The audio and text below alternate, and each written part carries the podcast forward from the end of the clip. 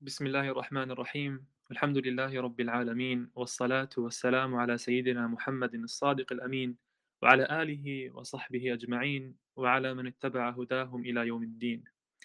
رب اشرح لي صدري ويسر لي أمري واحلل عقدة من لساني يفقه قولي. اللهم وجهنا لما خلقتنا له واصرفنا عما نهيتنا عنه ولا تشغلنا بما تكفلت لنا به. اللهم اجعلنا من جند الخير دلنا عليك رشدنا إليك فهمنا عنك علمنا منك وأعذنا من مضلات الفتن ما أحييتنا. اللهم انصرنا بالإسلام وانصر الإسلام بنا واجعلنا حجة له لا عليه واجعله حجة لنا لا علينا. السلام عليكم ورحمة الله وبركاته. حياكم الله جميعا وأهلا وسهلا بكم مستمعينا الكرام. في الحلقة الخامسة والثلاثين من برنامجكم تساؤلات على قناة المنتدى الفكري الشبابي فسيل. عنوان حوارية هذا اليوم هي حركة العصر الجديد. علم الطاقة والجذب واليوغا والريكي. موضوع حوارية اليوم يعني صراحة من المواضيع الشيقة اللي طلب أكثر من مرة من طرفكم والمواضيع اللي يحوطها شوية من الغموض يعني. وخاصة الإنسان دائما يتشوف إلى معرفة الأشياء اللي هي يعني ما ورائيات أشياء اللي هي خارج العالم الحس اللي هو يشوف فيه قدامه يعني. ف... فكلامنا اليوم حيكون على مجموعة من الممارسات اللي لها طابع روحي ديني زي العلاج بالطاقة واليوغا وقوانين الجذب والكارما وغيرها. من الأشكال هذه الممارسات ممكن نجمعها تحت مظلة واحدة تسمى حركة العصر الجديد، شنو هي هذه الحركة؟ هذه حنعرفوها إن شاء الله آه، في هذه الحوارية. كلامنا اليوم مش مجرد ترف فكري، مش مجرد نقاش أفكار بعيدة عن واقع الإنسان.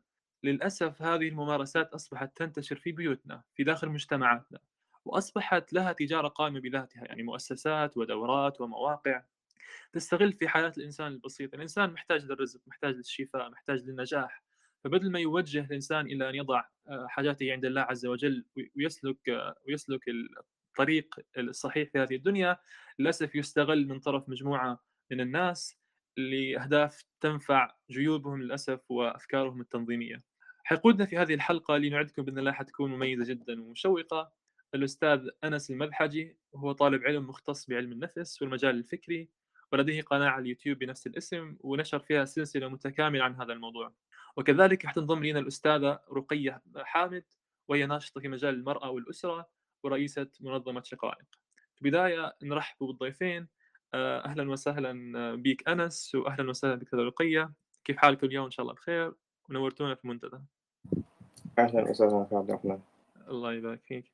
آه، طبعا في في حلقة في حوارتنا اليوم حنطرق لنشأة هذه الحركة وأهدافها ومخرجاتها.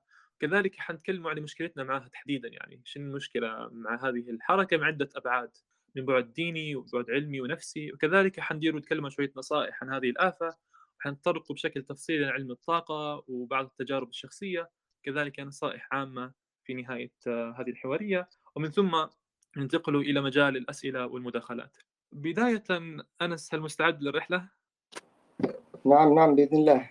الله يبارك فيك آه، أنس في العادة لما نتكلم عن العقائد والأفكار أعتقد مهم نعرف أصولها يعني متى نشأت من أطلقها شنو كانت الظروف النشأة متاعها لأن لو اكتشفنا إن عندنا جذور لشجرة الصبار مثلا من المستحيل نتوقع إن الثمار حتكون مانجا والأناناس يعني.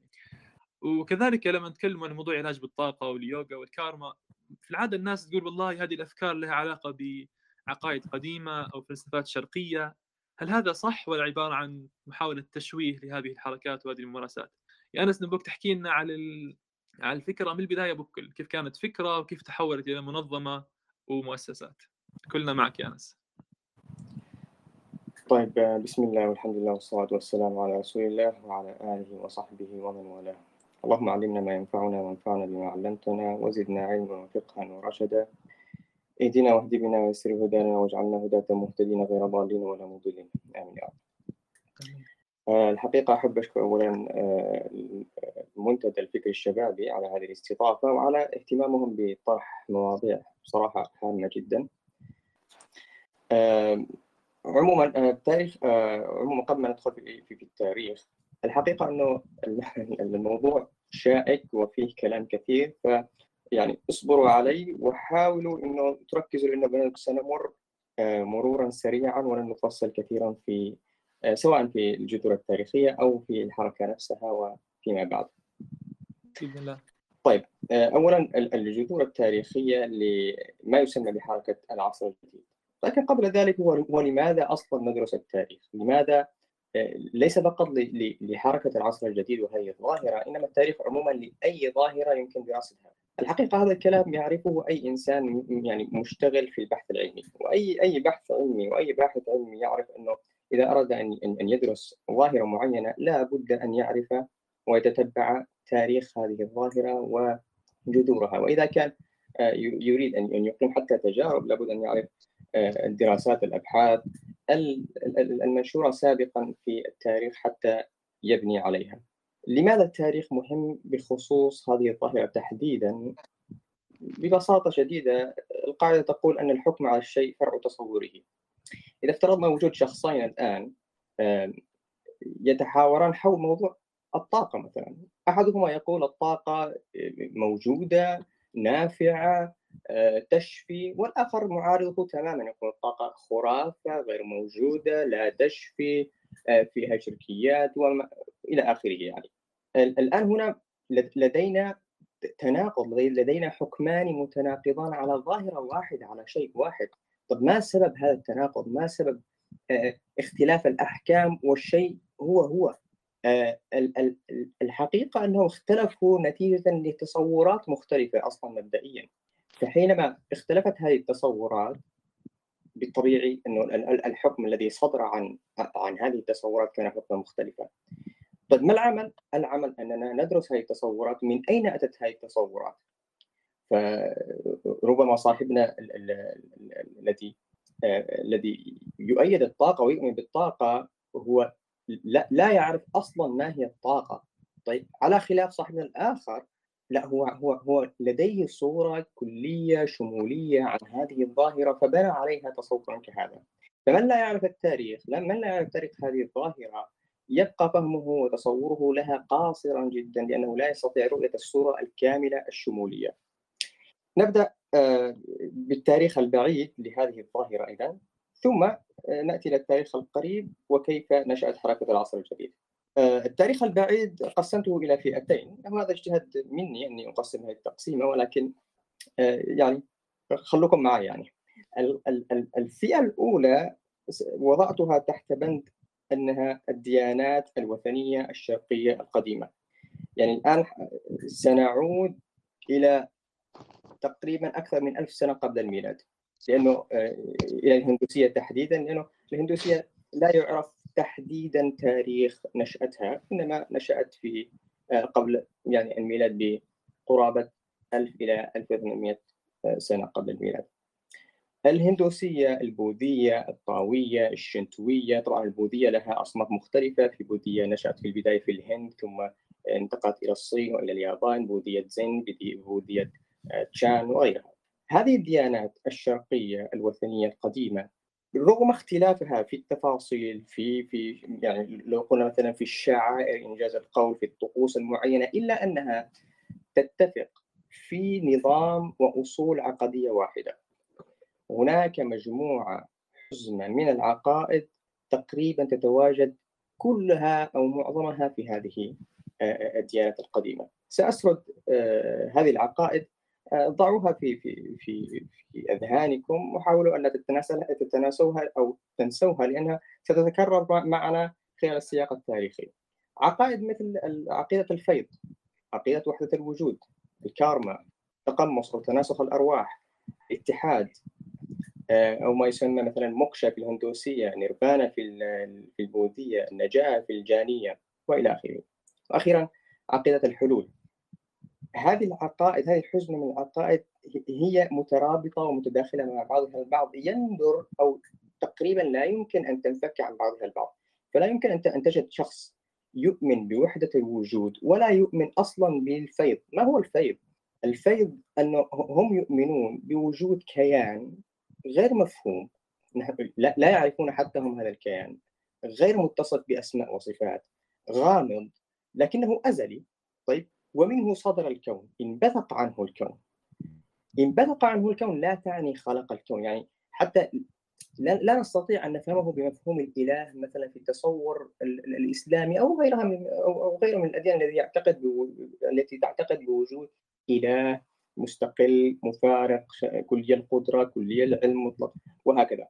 هم لا شيء كيان مطلق. انبثق عنه الكون صدر عنه تلقائيا فالكون صادر عنه أزلا. ولا تمايز بين المطلق والكون. طبعا المطلق هذا قد قد يطلق عليه آه، الأول قد يطلق عليه المصدر. الآن في كل ديانة تختلف التسمية لهذا المطلق الكائن الغامض. فمثلا في الهندوسية يسمونه براهمان. طيب. فبراهمان هذا انبثق عنه ما يسمى بالبرانا. البرانا هي من بثق عن براهمان وهي خلينا نقول طاقة الحياة. هي تسري في الكون وكل ما في الكون عبارة عن تمظهرات لهذا آه، السريان للبرانا. طبعا البرانا هذه مثلا في في في التاويه مثلا تسمى تشي. هي نفس الشيء هي نفس الشيء. الشيء الذي انبثق عن المطلق الأول وسرى في هذا الكون وتمظهر عنه كل مظاهر الحياة في هذا الكون. مثلا في اليابان يسموها كي. طيب كل هذه الأشياء ستسمعونها حتى اليوم عند مدربي الطاقه يعني كانوا زمان يستحون أن يصرحوا بهذه الأسماء، اليوم ما عاد هناك آه، حياة يعني يقول لك هناك البرانيك هيلينج طيب الاستشفاء بطاقة البرانا عموما سنأتي إلى ذلك. طيب فهذا يؤدي إلى القول بوحدة الوجود. إذا كان هناك مطلق وصدر عنه الكون اذا كل شيء شيء واحد طيب عقيدة الكارما باختصار هي هي قانون الجزاء إنه كما تدين تدان ولكن مع تفاصيل أخرى تجعلها بعيدة جدا عن التصور الاسلامي. طيب لأن الكارما لها شروط. طبعا هذا هذا هذا آه، ينقض بعض المحاولات لاسلمه الكارما إنه هي هي يعني كما تدين تدان افعل وستجد بالمثل ولكن الحقيقة أن الكارما هو قانون الجزاء ولكن عندهم الجزاء هذا لا يمكن أن يتحقق إلا في الدنيا يعني ما في جزاء اخروي هم لا, لا يوجد عندهم تصور ليوم آخر. فلا لابد أن يكون الجزاء هنا. وهذا يعني جعلهم يقولون بتناسخ الأرواح أو التقمص. أي أن هذه الروح عندما تخرج من الكائن الحي تدخل في كائن حي آخر وهكذا تستمر عملية التناسخ أو التقمص هذه إلى أن ينقى هذا الكائن أو تنقى هذه الروح من الديون الكارمية. فتخرج لا لها ولا عليها. وبعد ذلك تأتي العقيدة الأخرى وهي عقيدة الاتحاد. تعود تتحد مرة أخرى المصدر الذي انبثقت منه. سموها موكشا بالهندوسية النيرفانا بالبوذية النجاة بالجانية وغير ذلك.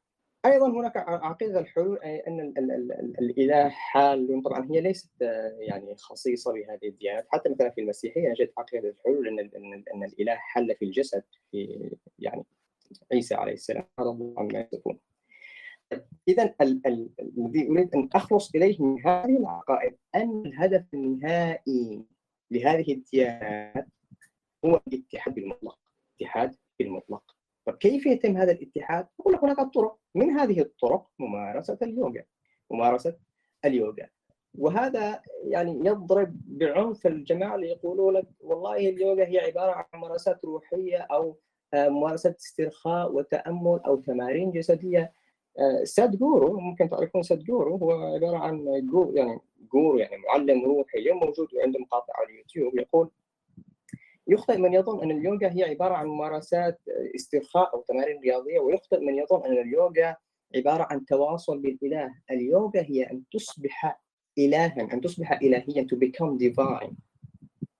طيب فهذه إحدى مثلا الأساليب إنه تتصل بالمطلق وينحل عنك وهم الانفصال يعني يقول أنت فقط تتوهم أنه عندك فردية انه إنك منفصل عن الكون منفصل عن كل شيء آخر. هي الحقيقة إننا جميعا شيء واحد وحدة الوجود. طيب ننتقل الآن إلى إلى إلى نعم. يا أنا سبحان الله يعني يعني هذه الأفكار اللي ذكرتها وأصول فكره زي ما قلت الحلول الحلول والاتحاد الكوني وغيرها وذكرت إن يعني يعني تاريخ هذه الأفكار تصل إلى تقريبا 1000 أو 2000 سنة قبل الميلاد. يعني. يعني يعني مثلا الأصحاب اللي اسسوا الجمعيات والحركات الباطنية. يعني يعني يعني في في أي زمن تاريخي معين صار هذا الاستدعاء استدعاء هذه الأفكار التاريخية ووضعها ونشرها بين الناس يعني باختلاف دياناتهم يعني. يعني كيف انطرت هذه هذه الخدعة على الناس برغم إن هذه الأفكار ترجع اصولها إلى ديانات معينة يعني. نعم نعم. هذا ما سنتطرق إليه الآن في في المرحلة القادمة والتي تليها.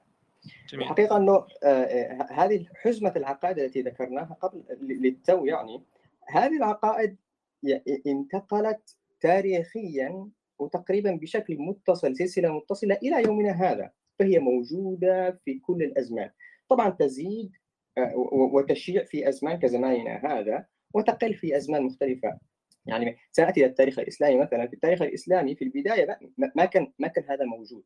ولكن لما بدأت آه، يختلط الناس مع الثقافات المختلفة وبدأت الدولة الإسلامية يعني آه، تفقد قوتها شاعت الحركات الباطنية أو الفرق الباطنية. سنأتي إلى ذلك. اذا الحزمة التالية هي حزمة الفرق والتيارات والفلسفات الباطنية على مر العصور. سميتها فرق لأنه سنأتي وسنقول أنها هي ليست كيانات مستقلة بذاتها. هي تتقنع تحت عباءات معينة. طيب ولهذا أمثلة كثيرة. يعني حتى مثلا وناس من الفلاسفة فلاسفة معروفون مثل مثلا آه، فيثاغورس. هذا الرياضيات يعني صاحب النظرية هذا كان باطني. يعني كان آه، هو فعلا ذهب ويقال إنه ذهب وتعلم في في في مصر وتعلم في في الشام وتعلم أي جماعة يعلموا باطنية فكان يذهب إليهم ويتعلم. وذهب إلى الهند وتعلم على يد الهنادكه والهندوس آه، وعاد وأسس شيء أشبه بما بما نسميه اليوم بالجمعيات السرية. طيب فهو كان لديه عقائد باطنية. آه، غير ذلك القباله مثلا اليهودية أو الكباله هذه فرقة باطنية آه، نشأت عن الديانة اليهودية. طيب الغنوصية مثلا التيار الغنوصي الفرق الباطنية في في التاريخ الإسلامي. الإسماعيلية الدروز والحشاشين آه، وغير هذه الفرق الباطنية التي نشأت في التاريخ الإسلامي. وصولا إلى غلاة المتصوفة غلاة المتصوفة. طيب ما الرابط بين هؤلاء وبين من من قدمنا بهم؟ الهندوسية وأخواتها. يربطهم أو يشتركون مع سابقيهم في نفس المبادئ والعقائد. يعني نعم نعم هؤلاء يؤمنون بالفيض يؤمنون بوحدة الوجود. نعم يؤمنون بالتقمص وتناسخ الأرواح يؤمنون بالاتحاد والحلول. وهذا بين مثلا حتى في بعض مقولات الصوفية. لكنهم آه، في الغالب مقنعون تحت أقنعة الأديان. يعني الهندوسية واخواتها آه، ما ما كانوا يختبئون تحت عباءه معينة. هي هكذا هذه هي عقائدنا والجميع يعرف بهذا الشيء وبس وتم الأمر. لكن المشكلة مثلا في القباله هم يدعون أنهم يهود. الفرق الباطنية في التاريخ الإسلامي يدعون أنهم مسلمون. طيب فهم خرجوا من تحت عباءات الأديان خلينا نقول تسمى الآن التقليدية ولكن لا اتفق مع هذه التسمية. هم يسموها الأديان التقليدية. فخرجت من تحت عباءه الايش؟ الأديان هنا قد يعني يسالنا طب ما هي الباطنية أصلا؟ هي هذه العقائد حزمة العقائد تسمى عقائد باطنية ولكن الباطنية أو العلم الباطني هو العلم بالسرائر، العلم بالأشياء الخفية، العلم طيب هذا العلم كيف يتحصل عليه الإنسان؟ هل يتحصل عليه بشكل استدلال عقلي مثلا؟ يقول لك لا. طيب ليش مش استدلال عقلي؟ قال لك لأنه آه، أصلا العقل قاصر عن فهم الأمور الغيبية. بأمان مش من الوحي. طب من أين تستقون هذه لك هذه معرفة باطنية، هذه أسرار. طب كيف؟ لابد أن إيش؟ تشتغل على نفسك سنعود بعدين اللي هو إيش اتصال بالمطلق الكلي وهكذا وكذلك حتى الغنوصية يعني حتى هو مفهوم مفهوم مبهم الغنوصية ممكن نقول عنه أنه هو العلم اللدني العرفان آه، يعني ويحتاج إلى الذوق الفناء وهذه المصطلحات طيب ننتقل بعد ذلك إلى نأتي إلى التاريخ القريب. التاريخ القريب حيث مثلا نقول القرن التاسع عشر. القرن التاسع عشر بدأت تظهر ما يسمى أو ما سميته بالجمعيات والحركات الباطنية. أمثلة كثيرة مثل الفلسفة المتعالية حركة الفكر الجديد الجمعية السرية المعروفة آه، جمعية الثيوصوفيا أو الحكمة الإلهية التي أسستها هيلينا بلافاسكي آه، طب هؤلاء مرة أخرى يشتركون بنفس المبادئ والعقائد التي قدمنا بها. لكن هنا هؤلاء يعني وقحين لدرجة أنهم ما يتقنعوا بأي أديان وهم أصلا ما يقولوا عن أنفسهم أديان. إحنا كذا كذا وبس. يعني لسان حالهم نحن أرقى من أننا نكون متخلفين هؤلاء الذين يتبعون الأديان التقليدية. وهذا ما تقوله مثلا فينا بلافاتسكي وهذا ما, تروج له آه، حركة جمعية الثيوسوفيا إنه يريدون أن أن ينتقلوا بالناس إلى الدين الحق عن الأديان المحرفة التي يتبعوها. طبعا تقصد الأديان المحرفة هي الأديان طيب. فمرة أخرى نفس حزمة العقائد يسلمون بها. الآن هذا السياق التاريخي كله هذه السلسلة التاريخية متصلة إلى التاريخ الحالي إلى إلى إلى, إلى اليوم. هذا كله هو ما أدى إلى نشوء ما يسمى بحركة العصر الجديد طبعا ثم ما خرج من رحمها بعد ذلك بما يسمى يعني زورا وبهتانا التنمية البشرية. هذا ما يخص السياق التاريخي. جميل جميل. آه، أستاذ أنس تو بعد ما تكلمنا على نشأة الحركة وتاريخها وحزمة العقائد اللي آه، يعني اللي الكل ينتمي لها آه، يعني تو أنت قلت يعني هذه الحركة نشأ منها ما يسمى بالتنمية البشرية يعني. يعني معظم الناس تعرف التنمية البشرية بس ما تعرفش ما وراءها يعني. احكي لنا عن التنمية البشرية. أنس حقيقتها وشن هي شن هي الحزم الأفكار اللي اللي تنشر فيها بين الناس يعني. السلام نعم. عليكم. وعليكم السلام عذرا عن المقاطعة أستاذ أنس. تفضل. ممكن آه، عندي تجربة أنا في موضوع التنمية البشرية ممكن تفيد يعني هل نسردها حال توا ولا أعطيك مجال قبل؟ أكيد. آه، كانت الرقية خلينا نسمع أنس للمحور هذا ناخذ إجابتك بإذن الله عز وجل. لو ممكن. تمام. الله يبارك طيب آه، اذا نعرف مثلا حركة العصر الجديد التنمية البشرية أو ما أقصده بالتنمية البشرية ثم بعد ذلك ممكن. طيب بالنسبة لحركة العصر الجديد هو في الحقيقة يعني الجماعه حركة العصر الجديد ما هم شيء واحد يعني هم هم هم ليسوا منظمة واحدة يعني شبكة إما أفراد أو منظمات. في نهايه المطاف تربطهم بعضهم آه، فرضيات مشتركة أهداف مشتركة يسعون لتحقيقها. آه، هم في الحقيقة يقولون إنهم يسعون لنقل العالم إلى مراحل عليا من الوعي الكوني. الآن بدأنا ندخل في مصطلحات التي يستخدموها الجماعة أصحاب التنمية البشرية اليوم يعني. اما آه، ما أعرف به التنمية البشرية اعرفها كالاتي لأنه يعني لفظه التنمية البشرية لفظة لطيفة يعني ما عندي خلاف مع اللفظة نفسها والتسميه نفسها ولكن للأسف آه، سرقت وأقول سرقت لأنه هي مستخدمة في سياقات أخرى سرقت من من قبل من يروجون من يروجون أباطيل كثيرة باسم آه، التنمية البشرية. اذا ما نقصده بالتنمية البشرية هو طيف عريض من تعاليم وممارسات وتطبيقات متنوعة ومتدرجة مبنية في جملتها على فلسفات شرقية وباطنية قديمة وحديثة. هذا ما نقصده بالتنمية البشرية. مرة أخرى مرة أخرى حركة العصر الجديد نفس حزمة العقائد التي قدمنا بها كمان موجودة في حركة العصر الجديد لكن آه، حدثوها يعني استخدموا لغة آه، خلينا نقول آه، حداثية متناسبة مع العصر الحالي فهم يؤمنون بوحدة الوجود أن الكون هو هو إلى كل شيء شيء واحد. لكن يقول لك الوعي الكوني الوعي المطلق الطاقة الكونية التواصل مع العقل المطلق كل هذا يقصدون به الإله. أو التواصل مع هذه الطاقة الكونية التواصل بالكون والكون اطلب من الكون والكون سيلبيك طيب هذا يؤدي إلى القول أو هم أصلا يقولون هذا القول بتأليه الإنسان وهذا حلول. طيب يعني إيش؟ قال لك كن رب صغير. طبعا هذا واحد يقول معقول واحد يقول كذا آه هذا عربي المفروض مسلم ومن أشهر من يروجون آه للطاقة وهذه الأشياء. قال لك آه أنت رب صغيرة صغير. طيب آه، هذا أيضا يعني يلزم عنه يلزم منه أن الإنسان خارق. الإنسان خارق وقادر على خلق واقعه الخاص وخلق آه، وكتابة قدره الخاص وأيقظ العملاق الذي في داخلك وما إلى ذلك. ثم في النهايه يؤمنون باتحاد الإنسان أو روح الإنسان بالعقل الكوني المطلق بعد الموت. طيب يوم آخر يا جماعة؟ ما في يوم آخر. طيب حساب عقاب ثواب جنة لا ما في ما في كله ما في.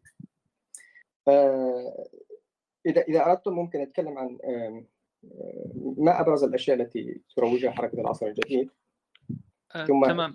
ممكن أنس لو سمحت قبل ما ننتقل للمحور هذا أستاذ رقيه لو عندك أي إضافة على التنمية البشرية. السلام عليكم.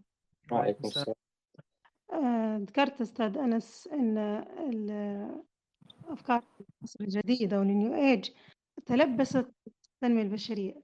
أنا واحدة من الناس في فترة لمّا كانت آه، قصة التنمية البشرية والبرمجة اللغوية العصبية كانت في قمتها يعني، وكان الترويج لها بشكل كبير. تقريبًا هيك في ال2010 كان فيه آه، دورة يعني دارها ال الدكتور مصطفى بالسعد، فبعد انتهاء الدورة كان يتم يعني توزيع إعلانات على هذا الم الموضوع يعني البرمجة اللغوية العصبية، وكان زي ما قُلت لك يعني حاجة جديدة وكنا نحب نتعرّف عليها، فمن هذاك الوقت بدأ اهتمامي بالموضوع، بعدين في ال2011 2012 كان في أكاديمية تسمي نفسها الأكاديمية الدولية، طبعًا هم يتخفوا خلف ال المسميات العلمية. آآ و و ويعِد ويعِد بإعطاء شهادات مثلًا ماجستير ويسموها ماجستير مهني، دكتوراه مهنية، الغالبية الناس اللي دخلت هذه المواضيع من اهتمامها بتطوير الذات، وأنا واحدة من الناس، آآ وفي نفس الوقت لمّا بتكون مُدرِّب أو أنت بتقف بتعطي محاضرات مثلًا، أنت محتاج لأدوات، الأدوات هذه بتكون من خلال هذه الدورات اللي هي تساعد بإنك تكون مدرب، وإنك تكون عندك تقدر تعد حقائب تدريبية و، و، يعني هذا الموضوع.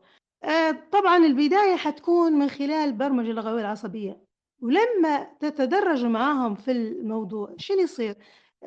يتضح إنك أنت دخلت في موضوع الطاقة، وموضوع قانون الجذب وال يعني شيء غير مقبول ولله الحمد، أنا اللي صار معاي إني أنا الموضوع هذا فتح فتح قدّامي الرغبة في العلم الشرعي وفي التعرُّف على العقيدة الصحيحة، يعني من خلال التجربة هذية اللي كانت في التنمية البشرية، خلّتني نخُش في الموضوع هذا. ولله الحمد نحمد الله إني أنا كطالب نعتبر نفسي طالبة طالبة علم شرعي يعني، مش نطوّل عليك باختصار شديد، بارك الله. فيك، شكرًا.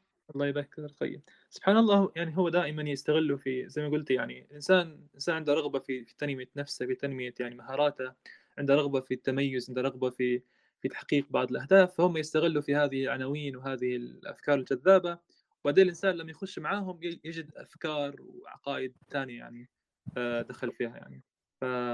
فسبحان الله يعني. أستاذ أنس آمم تو أستاذة رقية حكيت لنا تجربة واقعية ون فيها نفس الكلام اللي ذكرته أنت قبل يعني، تنق تقنعهم بأفكار آه، جذابة في الواجهة ويستخدموا في مصطلحات حدثية، وبعدين ما خلف هذه هذه الأكمة هو نفس المبادئ ونفس العقائد اللي هي جاءت من الهندوسية ومن غيرها من الديانات الشرقية. أستاذ أنس لو تحكي لنا لو تستمر في الحكاية عن موضوع مبادئ وعقائد الحركة هذه وعلى منتجاتها في في واقعنا الحالي يعني. نعم. طيب آه نأتي إلى أبرز أنا أسميها مخلفات حركة العصر الجديد لأنه تعرف لو قلنا منتجات يعني تعطيها صبغة هكذا انه والله ينتجوا شيء لكن أسميها مخلفات لأن فيها كذا شوية يعني كلمة معبرة فيها شوية من يعني عرفتم فابرز مخلفات حركة العصر الجديد آه طبعا على رأس القائمة الطاقة. الطاقة الكونية ال ال ال ال الحيوية، الطاقة العلاجية، الطاقة الاستشفاء، الطاقة ومتعلقاتها وتطبيقاتها.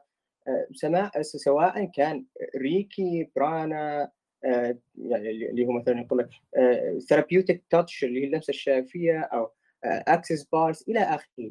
أي شيء أي تقنية متعلقة بالطاقة تندرج تحت هذه أو هذا الصنف. الأمر الآخر اليوغا. اليوغا يعني الذي فعلوه باليوغا انهم فرغوها تماما من من مضامينها الدينية والفلسفية. طبعا هذا شيء أزعج كثيرا الجماعه المدينين الهندوس ولكن يعني مشي حالك. الشيء آه الشيء الآخر قانون الجذب قانون الجذب ask believe receive. You are a god in a physical form. يعني اطلب آمن استلم. أنت في جسد مادي. وطبعا قانون الجذب من أكثر الأشياء التي يكثر يكثر النقاش فيها. يكثر اللي يقول لك يا أخي قانون الجد ما فيه شيء يا أخي قانون الجد تفاءلوا بالخير تجدوه يا أخي قانون الجد فعلا. يا جماعة يا جماعة قانون الجد أنا أنا أحترم جدا ويعني وأقدر جدا حسن نيتك و ورغبتك في تفسير الأمور تفسيرات يقبلها الشرع ولكن يعني تفسيرك للشيء على خلاف ما هو عليه لا يغير من أصل الشيء لا يغير من أصل الشيء. وفي الغالب غالبية من يناقشون في قانون الجد هم لم يقرأوا أصلا كتابا أصل اصليا مما يكتبه هؤلاء في قانون الجد. الأمر الآخر البرمجة اللغوية العصبية وخوارق العقل الباطن يعني البرمجة اللغوية العصبية تحديدا يكثر الانخداع بها لأنها آه، تشتبه كثيرا مع علم النفس. هو فعلا في البرمجة اللغوية العصبية فيها مفاهيم مأخوذة من علم النفس يعني ليست مأخوذة بأغراض علمية وشريفه يعني لا هي هي مأخوذة بأغراض التدليس يعني بأغراض اخلط حق مع باطل وقدمه للناس على أساس إنه قال علماء الناس. لكن في مستويات أخرى لا يظهر يظهر فيها الانحراف والعقل الباطن كذلك. طبعا العقل الباطن يعني آه، ليس علميا. آه، مستويات وأبعاد الوعي وهذا يعني كثير ما يتكلمون فيه. وصولا إلى الترويج الصريح الصريح لعقائد كفرية مثل الكارما. وطبعا يأتي واحد والكارما في الإسلام وهو طبعا نفس الكلام الذي قلناه في قانون الجد. فهمك المغلوط عن شيء لا يغير من حقيقة الشيء. نيتك الحسنة لا عن الشيء حسنا. إلى غير ذلك من ممارسة الخيمياء. يسموها خيمياء روحية. والآن أصبحوا لا أصبحوا يعني ليس لديهم حتى حياء من الترويج الصريح لهذه الأشياء. طيب آه، هنا انتهينا من من أبرز مخلفات حركه العصر الجديد نقول أبرز مخلفاتها أي أنها محاذير يعني يعني متى ما ما سمع الإنسان أحد أو إحدى هذه آه، التسميات أحد هذه المصطلحات فالأفضل أنه يجتنب مباشرة ولا يسعى إنه لعلي أخرج بشيء نافع من من هذه الأشياء. يعني أستاذ أنس لو الإنسان مثلا فكر ب... قاعد يركز تفكيره في مثلا في في في ثروة كبيرة يعني مش ممكن مش ممكن يحصل عليها يعني؟ لو الإنسان فكر في الشفاء مش ممكن يشفى؟ لو الإنسان ركز في في شخص أو في مال أو في وظيفة مش ممكن يحصل عليها بالطاقة هذه؟ لا مش ممكن. يعني يعني من الآخر يعني مش ممكن. لا بالعكس يعني حتى حتى ما يسمى بالتوجيه الإيجابي اللي هو آه، ركز فكر وقل أنا قوي و... و... هذا في في حقيقة الأمر ضار أكثر مما هو نافع ودراسات علمية يعني يعني آه، تجرى وتثبت أن هؤلاء الناس الذين يكثرون من التوجيه الإيجابي هذا أكثر عرضة للانهيار والصدمات النفسية من غيرهم.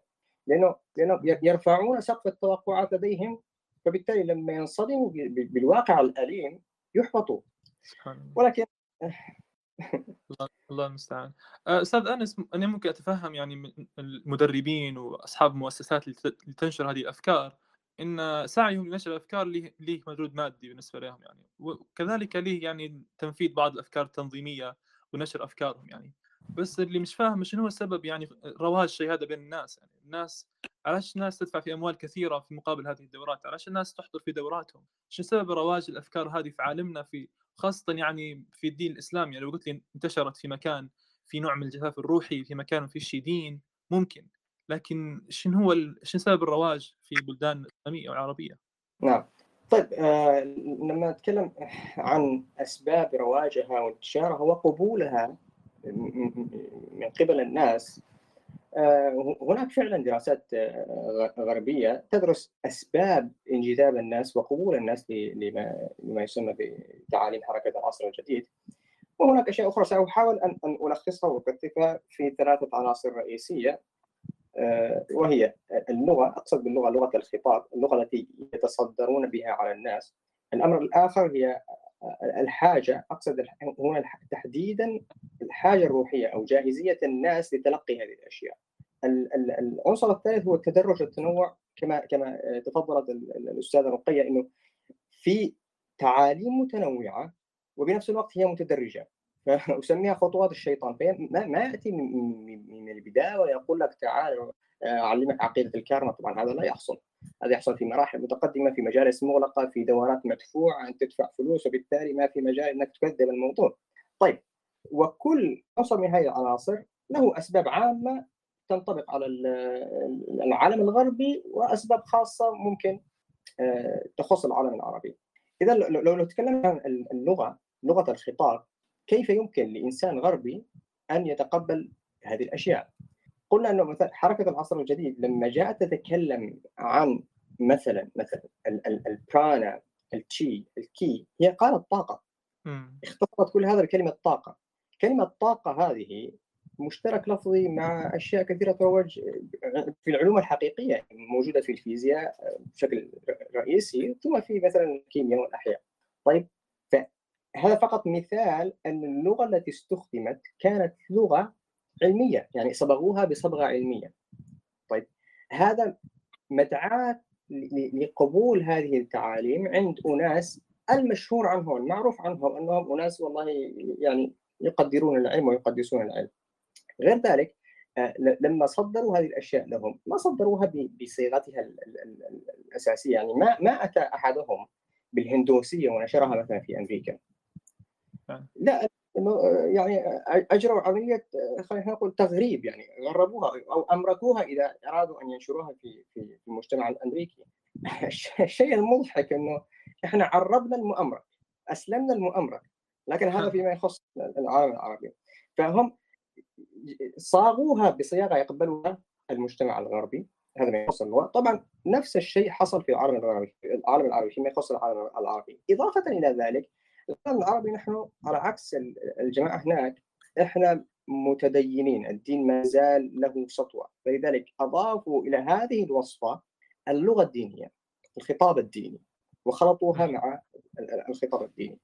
لو أتينا نتكلم عن الحاجة حاجة الناس لهذه التعاليم فطبعا يعني اي أستاذ أنس آه، ممكن أنس عنده مشكلة في الصوت ممكن لبين ما يرجع لينا من جديد. صدقية لو ممكن تحكي لنا عن انتشار الظاهرة في ليبيا مثلا؟ ذكرت أن هي كانت في قمة رواجها في 2010 تقريبا. هل في سبب معين انتشار الظاهرة في ذاك الوقت؟ يعني وكيف وضعها الحالي في ليبيا؟ سواء كانت تنمية بشرية والطاقة أو غيرها. بالنسبة لي أعطيني فرصة بس نتكلم شوية على جذور الحركة آه، لأن أستاذ أنس ممكن آه، قفز في الموضوع هذا. آه، هي حتى سبب رواجها في الغرب هو في فترة الستينيات لما تأسس معهد إيسالن اللي كان انطلقت منه الحركة حركة العصر الجديد أو نيو إيج. كانت عندهم طالعين من الحرب العالمية الثانية في أمريكا والشباب اللي طلعوا بعد الحرب العالمية أو ولدوا في هذيك الفترة لما في الستينيات كانوا بلغوا مرحلة الشباب وكان عندهم فراغ روحي. فالشخص اللي أسس هذا المعهد وتقريبا اسمه مايكل ميرفي كان غني فكان عنده قدرة إنه هو يفتح هذا المعهد أو يأسسه ويصرف عليه يعني. وتنق هو تنق هذه المبادئ أو تأثرا بأستاذ هندوسي الأصل كان يدرس فيه. فتبنى الفكر الهندوسي وذهب إلى الهند وعاش فيها فترة ثلاث سنوات. قبل أن يعود الولايات المتحدة ويأسس هذا المعهد. فرواج هذه الأفكار في الغرب كان بسبب فراغ الروحي اللي كان موجود عندهم بعدهم عن الكنيسة ومعروف فترة الستينيات كيف كان في الشباب الهيبز وشباب اللي كانوا متمردين على أي شيء في في المجتمع الغربي. لكن اللي ما تلقالاش آه، تفسير هو انتشارها في مجتمع متدين زي ما قال آه، الأستاذ أنس. يعني بالنسبة لي كعرب وكمسلمين ما زال عندنا تمسك يعني بمبادئنا. وأنا أراه ما نشوفش فيها في المجتمع الليبي إنها منتشرة منتش... انتشار كبير. يعني بالنسبة للجروبات الموجودة في الفيس مثلا تاع ديفا أو غيرها أحيانا نشك في الأعداد الموجودة لأن هذه ناس قائمة برامجهم كلها على التزييف. حتى العدد أو التأثر الناس بها ما هوش أنا نحكي من من واقع الناس اللي نعرفهم أو حتى لو اللي تلاقيت أنا وياهم أو حتى لو اللي عندهم فكرة عن الموضوع أو هم متأثرين به أو مقتنعين به لكن مش زي ما نتصوروا راهو. جميل. هذا رأي شخصي.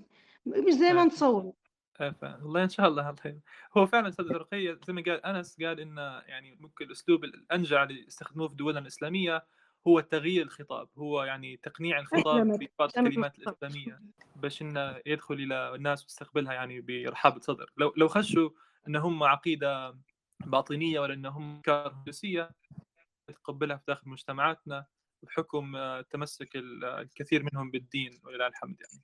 ففعلا كلامك يعني.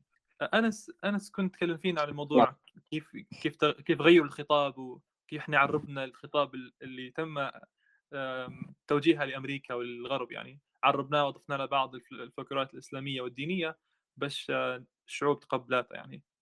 صحيح. هو يبدو إنه فقط حصل انقطاع عندي في الإنترنت ولكن عدنا. لا آه، آه، جزا الله الأستاذة آه، رقية خيرا. فعلا هي يعني أنا كنت انتقلت إلى نقطة الحاجة وهي تكلمت عن الحاجة الروحية واستعداد المجتمع الغربي أصلا لتلقي مثل هذه الأمور الروحية أو نحن نسميها بين قوسين؟ البديل الروحي.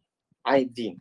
طب واحد حيسال طيب إذا كان في واحد إنسان طبعا النفس البشرية يعني مركبة هكذا مخلوقة هكذا فيها عطش روحي آه، فيها فيها شغف هكذا للتالف إذا كان هذا الإنسان الغربي عنده عطش روحي فلماذا لا يذهب إلى الكنيسة؟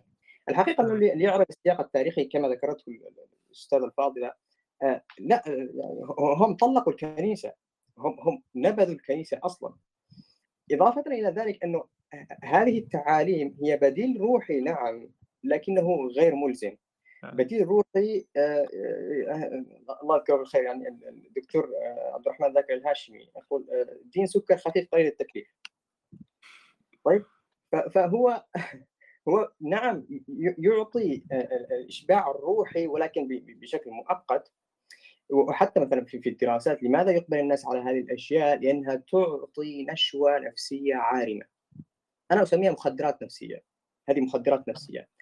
لكن الملاحظ أو الذي يتمعن في الأمر يجد أن حتى هذه الروحانية روحانية زائفة أنا أقول عنها روحانية زائفة، لماذا زائفة؟ دنيا دنيا يعني الذين يتجهون إلى هذا البديل الروحي على أساس روحي هم يطلبون دنيا يعني حتى الذي يريد راحة نفسية هو يريد أن يرتاح عشان الدنيا عشان عشان يعيش جنة على الأرض أحلام الفردوس الأرضي. طيب حتى الذي يذهب مثلا إلى دورة كيف تكون مليونيرا في ثلاث دقائق هذا أيضا يبحث عن دنيا حتى لو قلب نضبط تردداتك الروحية وتواصل ونتواصل مع المطلق الكوني هو يريد دنيا. وإن غلفوها بغلاف روحي.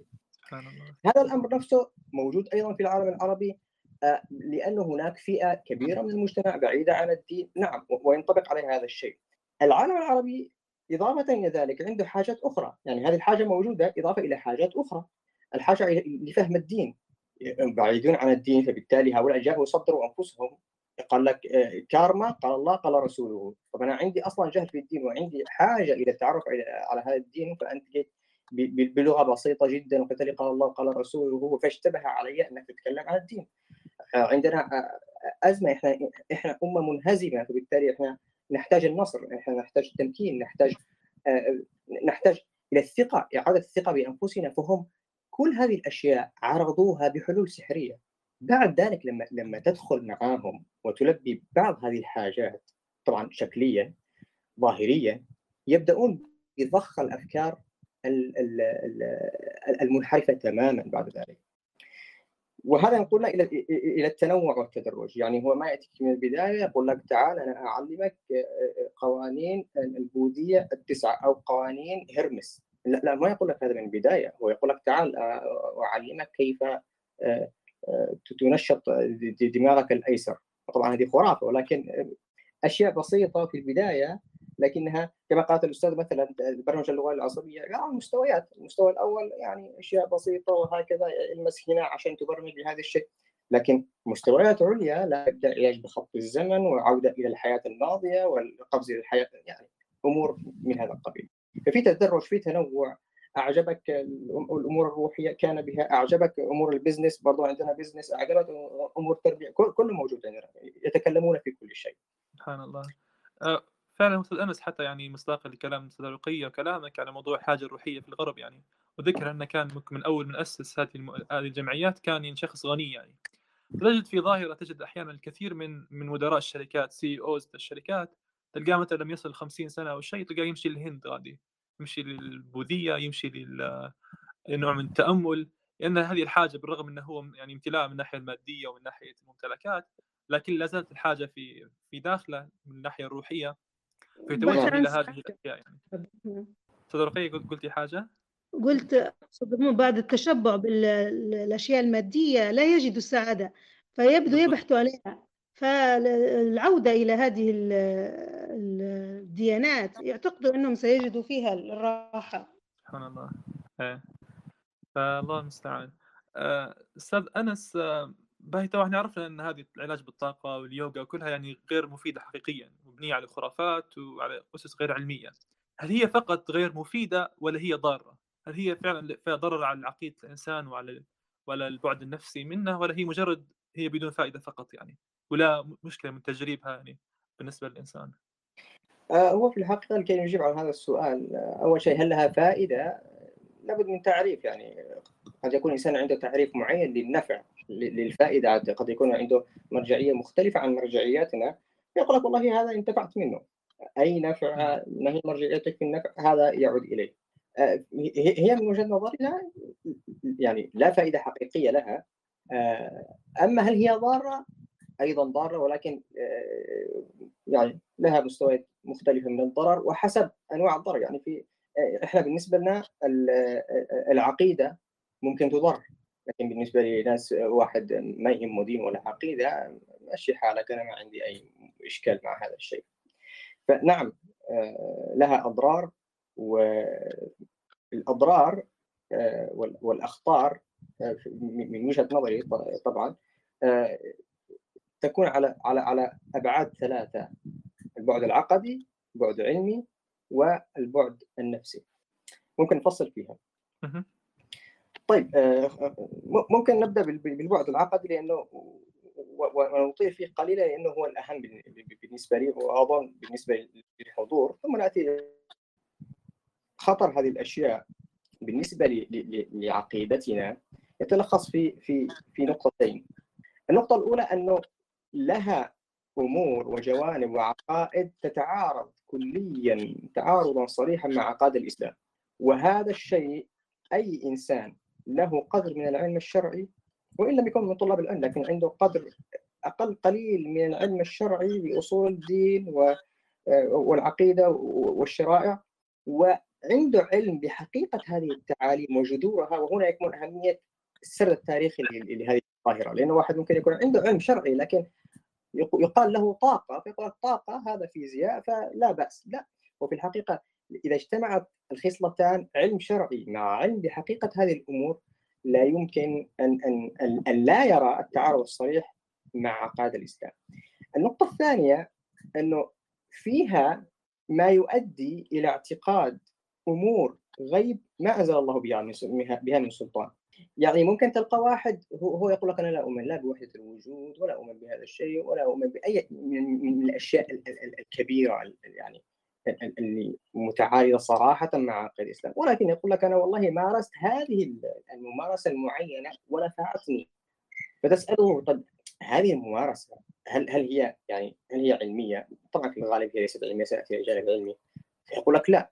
طيب يعني هي هي هي لها بعد غيبي روحي فيقول لك نعم هذه هذه ممارسة روحية. طيب الآن هل هل لك دليل على هذا الأمر الغيبي من الوحي؟ طبعا يقول طبعا طبعا ما في طبعا ما في. أنت حينما تناقشه أكثر فأكثر يتضح له إنه فعلا ما في ما في من الوحي آه، أدلة على صحة آه، هذه الممارسه على وجود طاقة معينة تسري في جسمك. طيب فيقول لك طيب وما المشكلة؟ المشكلة يا عزيزي أنه أنت حينما تسلم بأمر غيب ليس موجود في الوحي الصادق هذا يعني أنه لديك مصدر تلقي لأمور الغيب غير الوحي الصادق. يعني عندك الوحي وشيء آخر. سواء علمت بذلك أم جهلته سواء أدركت ذلك أم لم تدرك ذلك أنت عندك مصدر آخر تستقي منه أمور غيبية. طيب ما المشكلة؟ يقول لك طيب ما المشكلة؟ المشكلة إنه ديننا دين دليل. نحن دين يقول فيه الله تعالى قل برهانكم إن كنتم صادقين الله عز وجل أيضا يقول لنا في سورة الإسراء ولا تقف ما ليس لك به علم النبي عليه الصلاة والسلام حذر من أمور كثيرة حتى من إتيان الكهان. قال فلا تأتوا الكهان. طيب طب لماذا لماذا لا نأتي الكهان؟ لماذا لا نقوم لأنه الدليل الدليل يعني إحنا ما سلمنا بالإسلام بالنبوة بالقرآن. هكذا جزافا يعني هكذا قفزة آه، في المجهول. لا هناك أدلة أدلة عقلية. طيب اولا ثم جاء الوحي المصدر الوحي الصادق الذي شهد العقل بصحته فاستقيل منه أمور الغيب. لكن لا نأخذ أي غيب هكذا لم لم يصح فيه دليل حقيقي من الوحي الصادق. هنا يعني يحضرني قصة أو يروى عن سعيد بن المسيب أنه دخل يوما المسجد فرأى رجلا يصلي بعد الفجر في فيكثر الركوع والسجود. غالب الظن أنه يكثر الركوع والسجود أنه يطيل الركوع والسجود فنهاه فقال له يعذبني يعذبني الله على الصلاة؟ قال لا ولكن يعذبك على خلاف السنة. ليه؟ لأنه لأنه السنة أنه بعد صلاة الفجر ما, ما في صلاة من الأوقات المكروه فيها. فما بالك لما تصلي في وقت مكروه وتطيل فيها ركوعا وسجودا. هذا ما عمل شيء غلط. هذا صلى. آه لكنه على خلاف السنة يعني. هو قام بهيئة تعبديه لكنها على خلاف ما أتى به النبي عليه الصلاة والسلام. أيضا حديث النبي عليه الصلاة والسلام من أحدث في أمرنا هذا ما ليس منه فهو رد يعني, يعني مردود يعني. هذا بالنسبة لأمور شكلها ظاهرها إسلام يعني ظاهرها أنها في دائرة الإسلام فما بالك بالأمور المستوردة؟ أمور مستوردة من بوذا ومن الهندوس ومن كهنة آه، البراهمه ما بالنا بهذه الأشياء لما نأخذها وهي أمور غيب فهذه فعلا هي هذا هو جوهر الإشكال إنه أنت إما إما أن تكون مخالفا خلافا صريحا لأمور العقيدة وإما أنك ترضى أن يكون لك مصدر غيب غير الوحي الصادق اعترفت بذلك أم لا؟ وهو يعني حدث ولا حرج من من من مظاهر أو كوارث أو الكوارث العقدية التي التي يروجها مشاهيرهم العرب.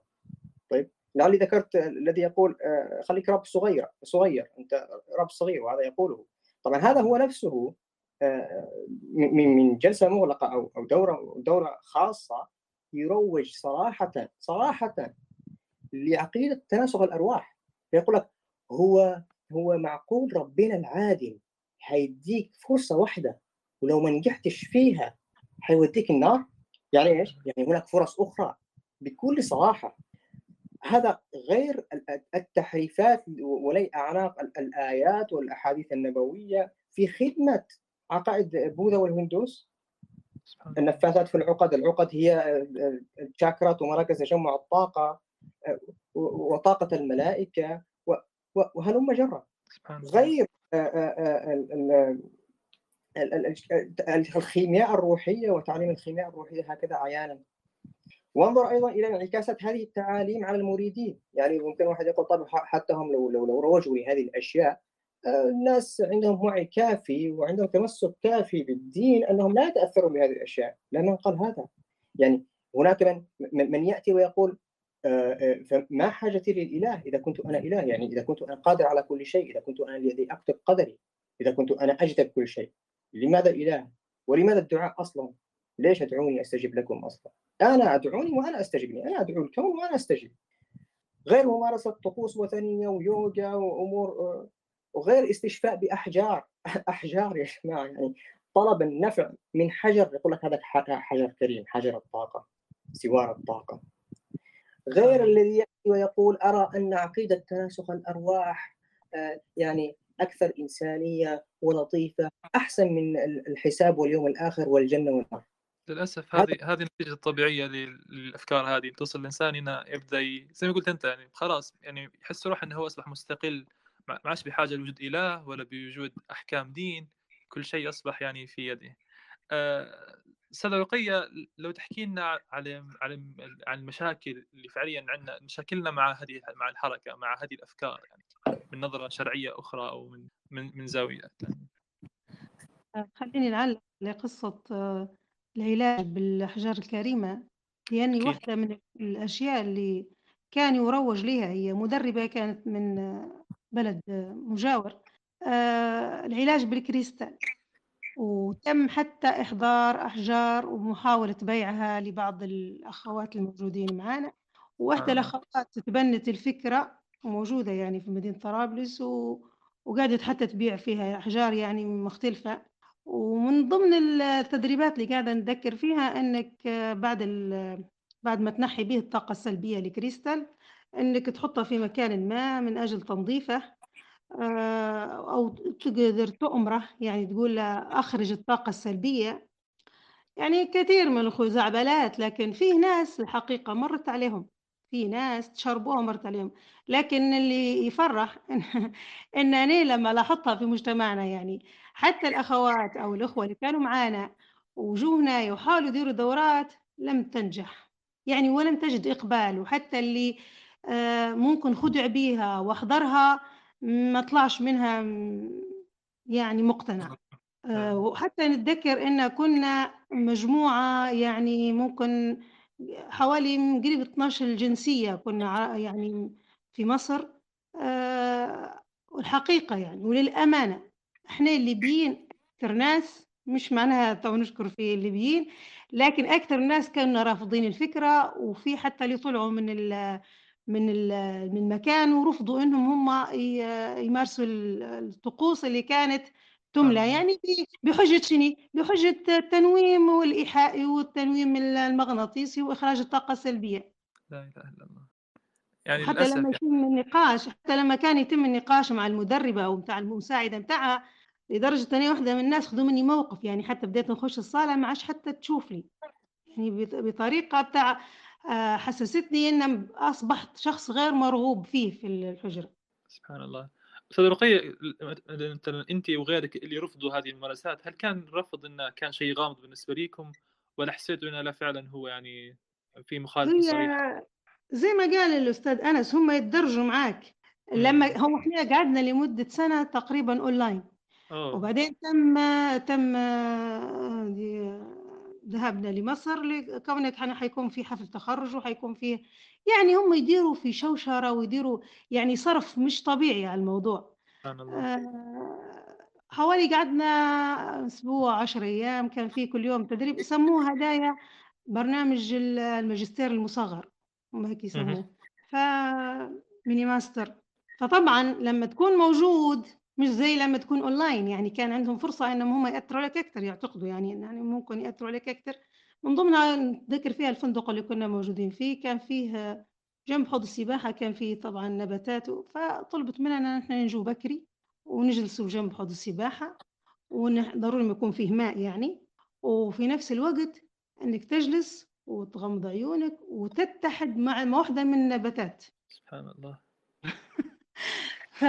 فزي ما قلت لك يعني أغلبية اللي موجودين كانوا الفكرة يعني ما بدش تستوعبوها لأنه صعب جدا إنك تتقبل شيء زي هذا.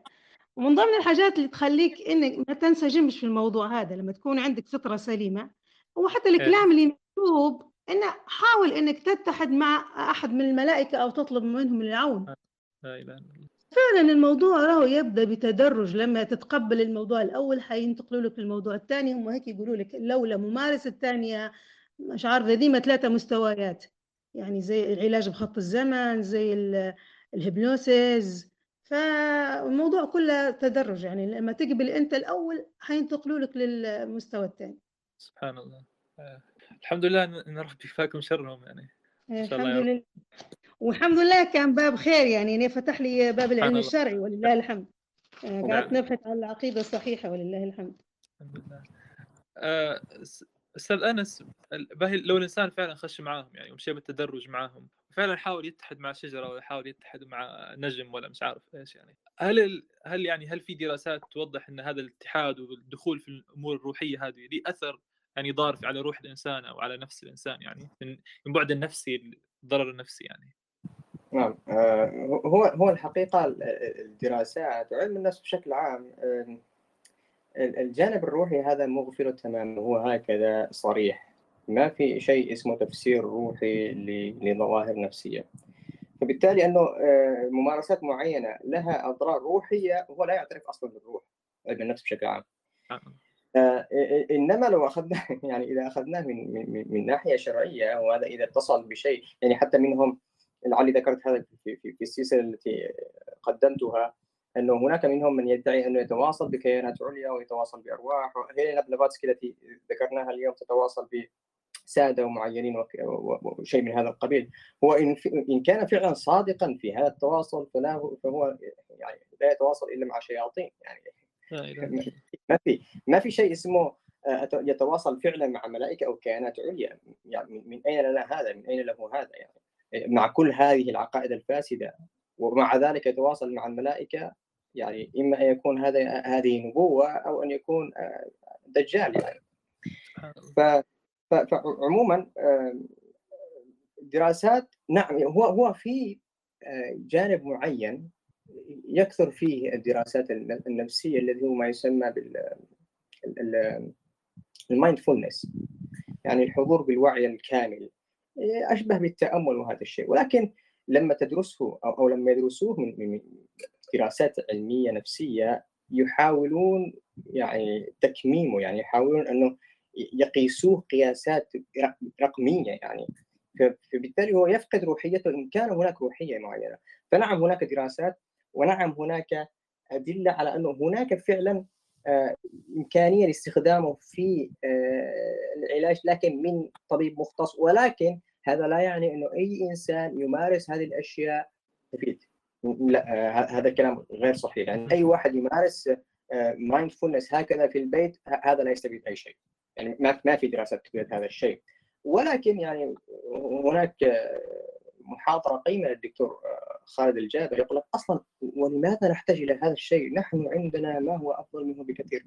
فبإذن الله إذا إذا أرسلت إليك أخي عبد الرحمن قائمة مراجع عندي قائمة لمراجع سأحدثها إن شاء الله وأرسلها إليك لعلك ترسلها للناس هنا. جميل. عموما عموما هذا كان الحديث حول خطرها على العقيدة انها فعلا خطيرة على العقيدة. فإن شئت نكمل في البعد العلمي ثم البعد النفسي. تمام استمر بإذن الله. طيب آه سريعا آه قلنا لها خطر عقدي لها خطر آه علمي عقلي يعني آه بتوع التنمية البشرية هؤلاء آه، خطر على العقل خطر على التفكير خطر على المنهج العلمي خطر يعني إحنا ما شاء الله عليه إحنا البحث العلمي عندنا في العالم العربي ما شاء الله يعني وصل إلى ذروته وإحنا ناقصينهم يعني.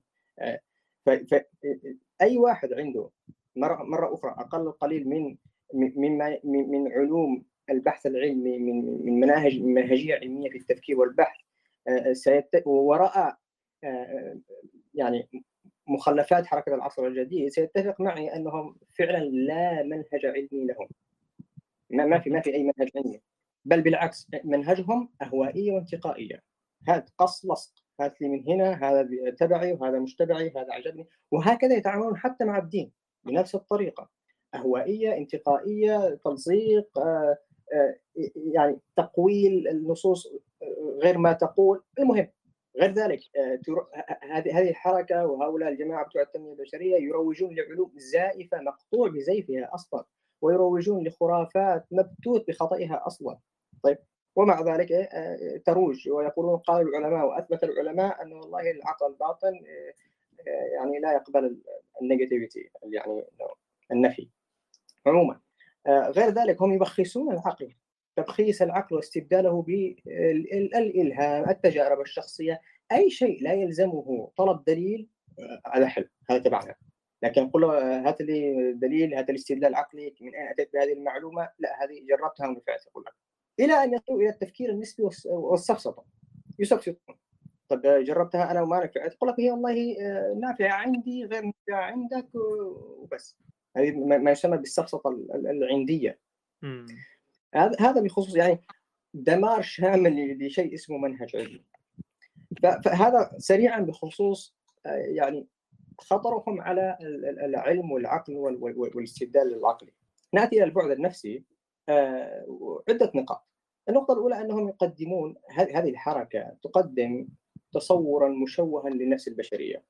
يعني هذا لا يعني انه علم النفس يقدم تصور آه، يعني صحيحا للنفس البشرية هو لا يقدم تصور ولكن على الأقل علم النفس يخدم جانب من الجوانب يعني علم النفس مهتم بالجانب المادي للنفس البشرية.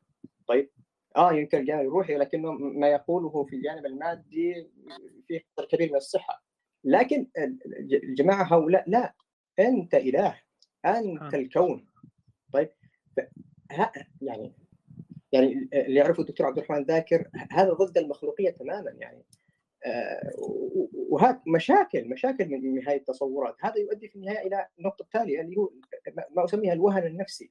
الوهن النفسي. طب أنا إله أنا قادر على كل شيء أنا قادر على أن أخلق أنا قادر على أن أجدد. فقط إذا تواصلت بالكون الذي هو أنا أنا الكون. في كتاب اسمه الكون لديباك تشوبرا. عموما آه، طيب ثم تحفيز تحفيز تحفيز أنت قوي أنت إله أنت إضافة إلى التوجيه الإيجابي اللي هو آه، قل لنفسك كرر هذه الأشياء قم أمام المراية قل أنا قوي أنا قوي 21 يوم خمس مرات باليوم. أيوه وبعدين؟ مخدرات نفسية مخدرات نفسية. في النهاية يأتي إلى الواقع يجد أنه ليس إله يجد أنه والله أنا عزكم الله أدخل إلى الحمام وأخرج أنا ضعيف أنا أنا لست كاملا. الواقع مؤلم. لما خرجت من هذه القاعة الفارهة ووجدت أنه والله الناس يبصقون في الشوارع أكرمكم الله فينصدم بالواقع. طيب أين ذهبت النشوة؟ أنا أريد نشوة مرة أخرى. فأروح مرة أخرى أبحث عن جرعة أخرى من التحفيز وال... وهذه الأشياء. يلا قل لي أنا إنسان خارق. قل لي أني أنا إنسان نافع. قل لي أني إنسان بطل. أيوه. مرة أخرى نشوة نفسية عارمة ثم أخرج انصدم بالواقع وهكذا دائرة مفرغة. هذا في النهاية يؤدي إلى وهن نفسي. يعني أنت لم لست مدركا حقيقة نفسك و و و وتمضي في دائرة مفرغة تزيدك وهنا. طيب سبحان الله. النقطة النقطة التي تليها أنهم إضافة إلى ذلك كله يصنعون نفسيات متخلفة وخرافية. صحيح اسميها سيكولوجية صناعة الخرافة. سيكولوجية الخرافة. طيب يعني أنت لما تلاحظ طبيعة العلاقة بين المتعلمين والمدربين العالميين طيب تجد أن الآلية هي نفسها أو أو نفسية الإنسان القديم البدائي الإنسان اليوناني الإنسان الروماني اللي هو اللي هو إيه؟ إنسان عاجز أمام الطبيعة وظواهر الطبيعة الطبيعة. ما لها تفسيرات؟ برق فاض النيل حصل كارثة آه، مرض وباء. طيب ما, ما الذي أفعله؟ أريد أن أفسر. فألجأ لجهلي ولضعفي ألجأ لتفسيرات غيبية. طبعا طبعا تفسيرات غيبية غبية. طيب من يفسر لهم هذه التفسيرات؟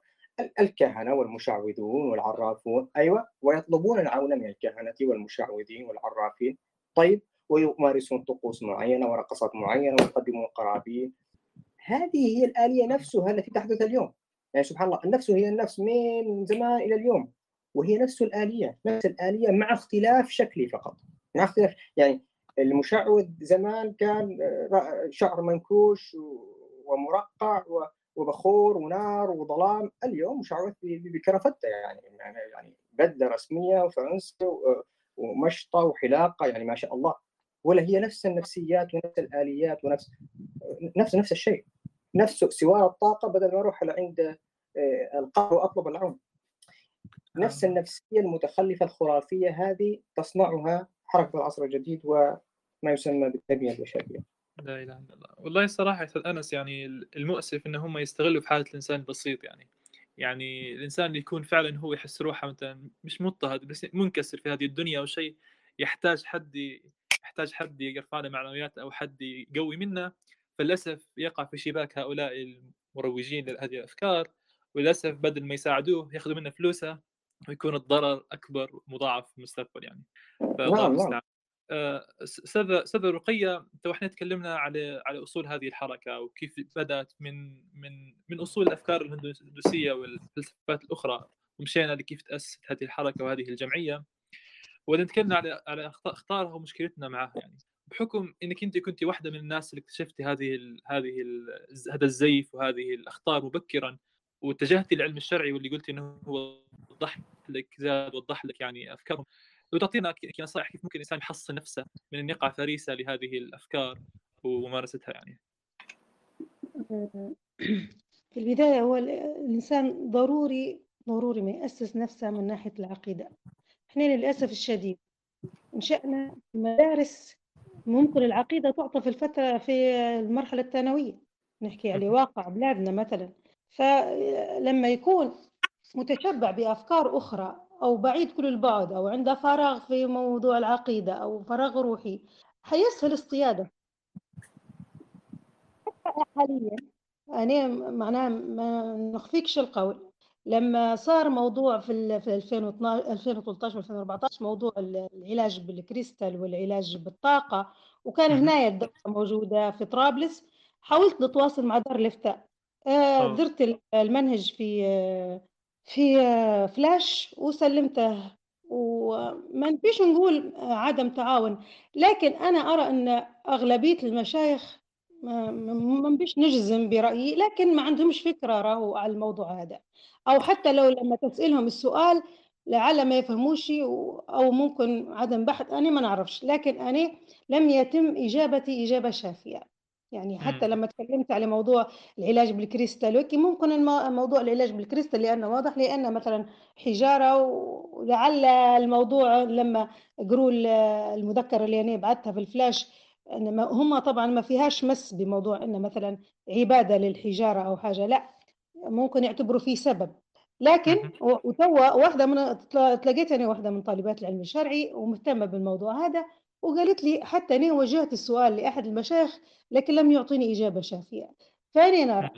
إن الموضوع المواضيع المستحدثة أنا أتكلمت فيما سبق على الاتفاقيات الدولية، والمواضيع المستحدثة في النسوية، وتك وتوا نتكلم عن نفس الموضوع لأن نرى فيهم نفس الخطر، المواضيع هذه عصري معاصرة ويفترض أن يتفرغوا لها طلبة علم، أنا إنسانة ما نشوفش في نفسي إني أنا كفؤ إني نتكلم في المواضيع، لكن لكون الثغر فارغ، الثغر فاضي، في ثغور آآ ما شاء الله تلقى كلها الناس واقفة عليها وتت وتتسابق وتتزاحم عليها، تهم الأمة، لكن فيه مواضيع لا ينتبه إليها أحد، من ضمنها الموضوعين هادو اللي هو موضوع غزو حركة الفكر ال العصر الجديد للمجتمعات ومؤخرًا لمجتمعنا، وموضوع ال الاتفاقيات الدولية وما يُبَث فيها، العجيب إن فيه رابط، فيه رابط ما بين الموضوعين، يعني أنا فوجئت وذهلت يعني لمّا لقيت لمّا قريت الموضوع، لأن فيه كتاب الأستاذة هيفاء رشيد آآ حركة العصر الجديد مفهومها ونشأتها وتطبيقاتها، هيك اسم الكتاب، تتكلم في المبحث الثالث عليه آثار الحركة في الأسرة والمجتمع، فشني م يعني لو تسمح لي إن نسرد ال النقاط اللي متكلمة فيها، لو تمام. في وقت يعني. آآ ممكن شوية. اتكلمت عليه التوجه النسوي لحركة العصر الجديد، واتكلمت على التمرد على السلطة الناتج عن الإفراط في القول بالنسبية، يهمنا المبحث الأول، قالت التوجه النسوي لحركة ال العصر الجديد تروج حركة العصر الجديد أو الNew Age لما يسمى الروحانية النسوية، وهي تفسير جديد للتدين والروحانية نبع من الحركة السياسية النسوية، الحركة النسوية السياسية تقصد بها اللي نشأت في أمريكا وأوروبا في منتصف القرن العشرين اللي كانت تطالب بحقوق المرأة السياسية وحقها في الانتخاب وحقها في الترشح والمساواة المطلقة طبعًا مع الرجل، اهم. وهي تجمع بين عناصر وثنية وعناصر نس نصرانية، آآ وإن كان يغلب عليها الجانب الوثني، الفكر النسوي يمكن أن نميز داخله التيارين الرئيسيين، التيار النسوي الليبرالي والتيار النسوي الراديكالي، الليبرالي اللي يشدد على ضرورة المساواة في فرص العمل وحقوق الأفراد سواء كانوا ذكورًا أو إناثًا، والراديكالي اللي هو المتطرف الذي يدعي أن يدعي أن البنيات الاجتماعية كالعلم واللغة والتاريخ هي بنيات متحيزة للذكر، ويجب إعادة النظر. في هذه البنيات وفقًا لوجهة نظر المرأة، كما يدعو هذا التيار إلى ضرورة أن تسود النسوية الوثنية آآ صراحةً كدين جديد للمرأة بخلاف الدين الذكوري السماوي،. يعتبروا أن كل الأديان أديان ذكورية لأن كلها أنبياء، ولدرجة إن مطلوب ومن تعالى الله عن ذلك أن يكون الله أنثى. لماذا الله ذكر؟ وعمومًا طبعًا هذا حسب كلامهم هم، وعمومًا تسعى الروحانية النسوية إلى تقديس المرأة، والعمل على تمكينها من تحقيق ذاتها، والتحكم بمسار حياتها، كما أن لها نظرة شمولية للإنسان والطبيعة والكون، على اعتبار أن الطبيعة آآ يعتبروا فيها يعني تأليه الطبيعة هو تأليه. للأنثى في نظرهم يعني، لأن المرأة هي سبب الخصوبة و، و، و. استمداد هذا الفكر كأنه يعني يعني زي ما قُلت من بكري يعني هم يحاولوا إن إن إن يفكّوا الناس من ارتباطهم بأديانهم يس يسموها فيها التقليدية، وبعدين يرفعون لمساحة ثانية ممكن يقدروا يشكلوها يشكلوا إله زي ما يبوا هم يشكلوا أحكام زي ما يبوا هم نفس الوقت نوعا ما تغطي الجانب الروحي بشكل أو بآخر يعني. فهذا ممكن الرابط اللي ذكرتيه يعني بين النسوية وبين حركات العصر الجديد يعني. فسبحان الله يعني والعجيب ان إن أنا شفت التيوسوفيا اللي تكلم عليها جمعية التيوسوفيا اللي تكلم تكلم عليها الأستاذ أنس لأن فيها أربع حركات سبقت حركة العصر الجديد وأسست لها اللي هو ذكر الفلسفة المتعالية وذكر الفلسفة الأرواحية تقريبا وحركة الفكر الجديد وهذه جمعية التيوسوفيا اللي مؤسستها هيلينا بلفاتسكي. العجيب إن الشعار نتاع البلفاتسكي هذه هيلينا. آه، في في وسطها في وسط الشعار نتاع جمعيتها الشعار اللي آه، حاليا النسوية آه، يعتبر شعار للنسوية. يعني ممكن لو حصلت كيف يعني نبعت الصورة نتاعها ففيه رابط عجيب راهو ما بين النسوية ما بين الاتفاقيات الدولية وما يتم بته من جعل هذا العصر عصر نسوي أو تشبه الرجال بالنساء وموضوع برج الدلو. يا ريت الأستاذ أنس لو عنده فكرة يتكلم عليه. هم يعتبروا فيه توا هذا العصر هو عصر الدلو. يقولوا إن هذا عصر الدلو وليه دلالات عندهم. إن هذا حتكون فيه الغلبة للنساء. لو الأستاذ أنس يقدر يتكلم عليه أو ممكن نعطي عليهم فكرة نعطيه المجال باش نستحوذ على الحديث يعني. لا ممكن ممكن رقية لو تكلم أكثر عن الموضوع بس ننتقل بعدين لنقطة النصائح يعني. يعني لو لو نستمر في موضوع الربط بين بين برج الدلو وبين تصورهم للسيطرة في الواقع. دقيقة بس لأن أنا ما بيش بنتكلم بطريقة علمية يعني بن بن البحث اللي قدامي هو الدكتورة فوز. فبنحاول نتكلم من خلاله أفضل ما تكون في أخطاء مثلا في الحديث. كذا ممكن انس لو عندك لو عندك رأي بخصوص ما ذكرته الفزرقيه على موضوع العصر الدلو أو برج الدلو في واقعنا الحالي والربط بين ارتباط هذه الأفكار النسوية وبين الحركة حركة العصر الجديد يعني. نعم. هو على حد علمي آه، موضوع برج الدلو هو هم يؤمنون وهذا يربط بين حركة العصر الجديد وبين من يؤمنون بالأبراج هم يؤمنون أنه في مطلع كل 2000 سنة يكون عصرا جديدا. ويكون آه، عصرا لبرج جديد. فإحنا من سنوات قليلة آه، برأيهم دخلنا عصر الدلو هذا هو العصر الجديد.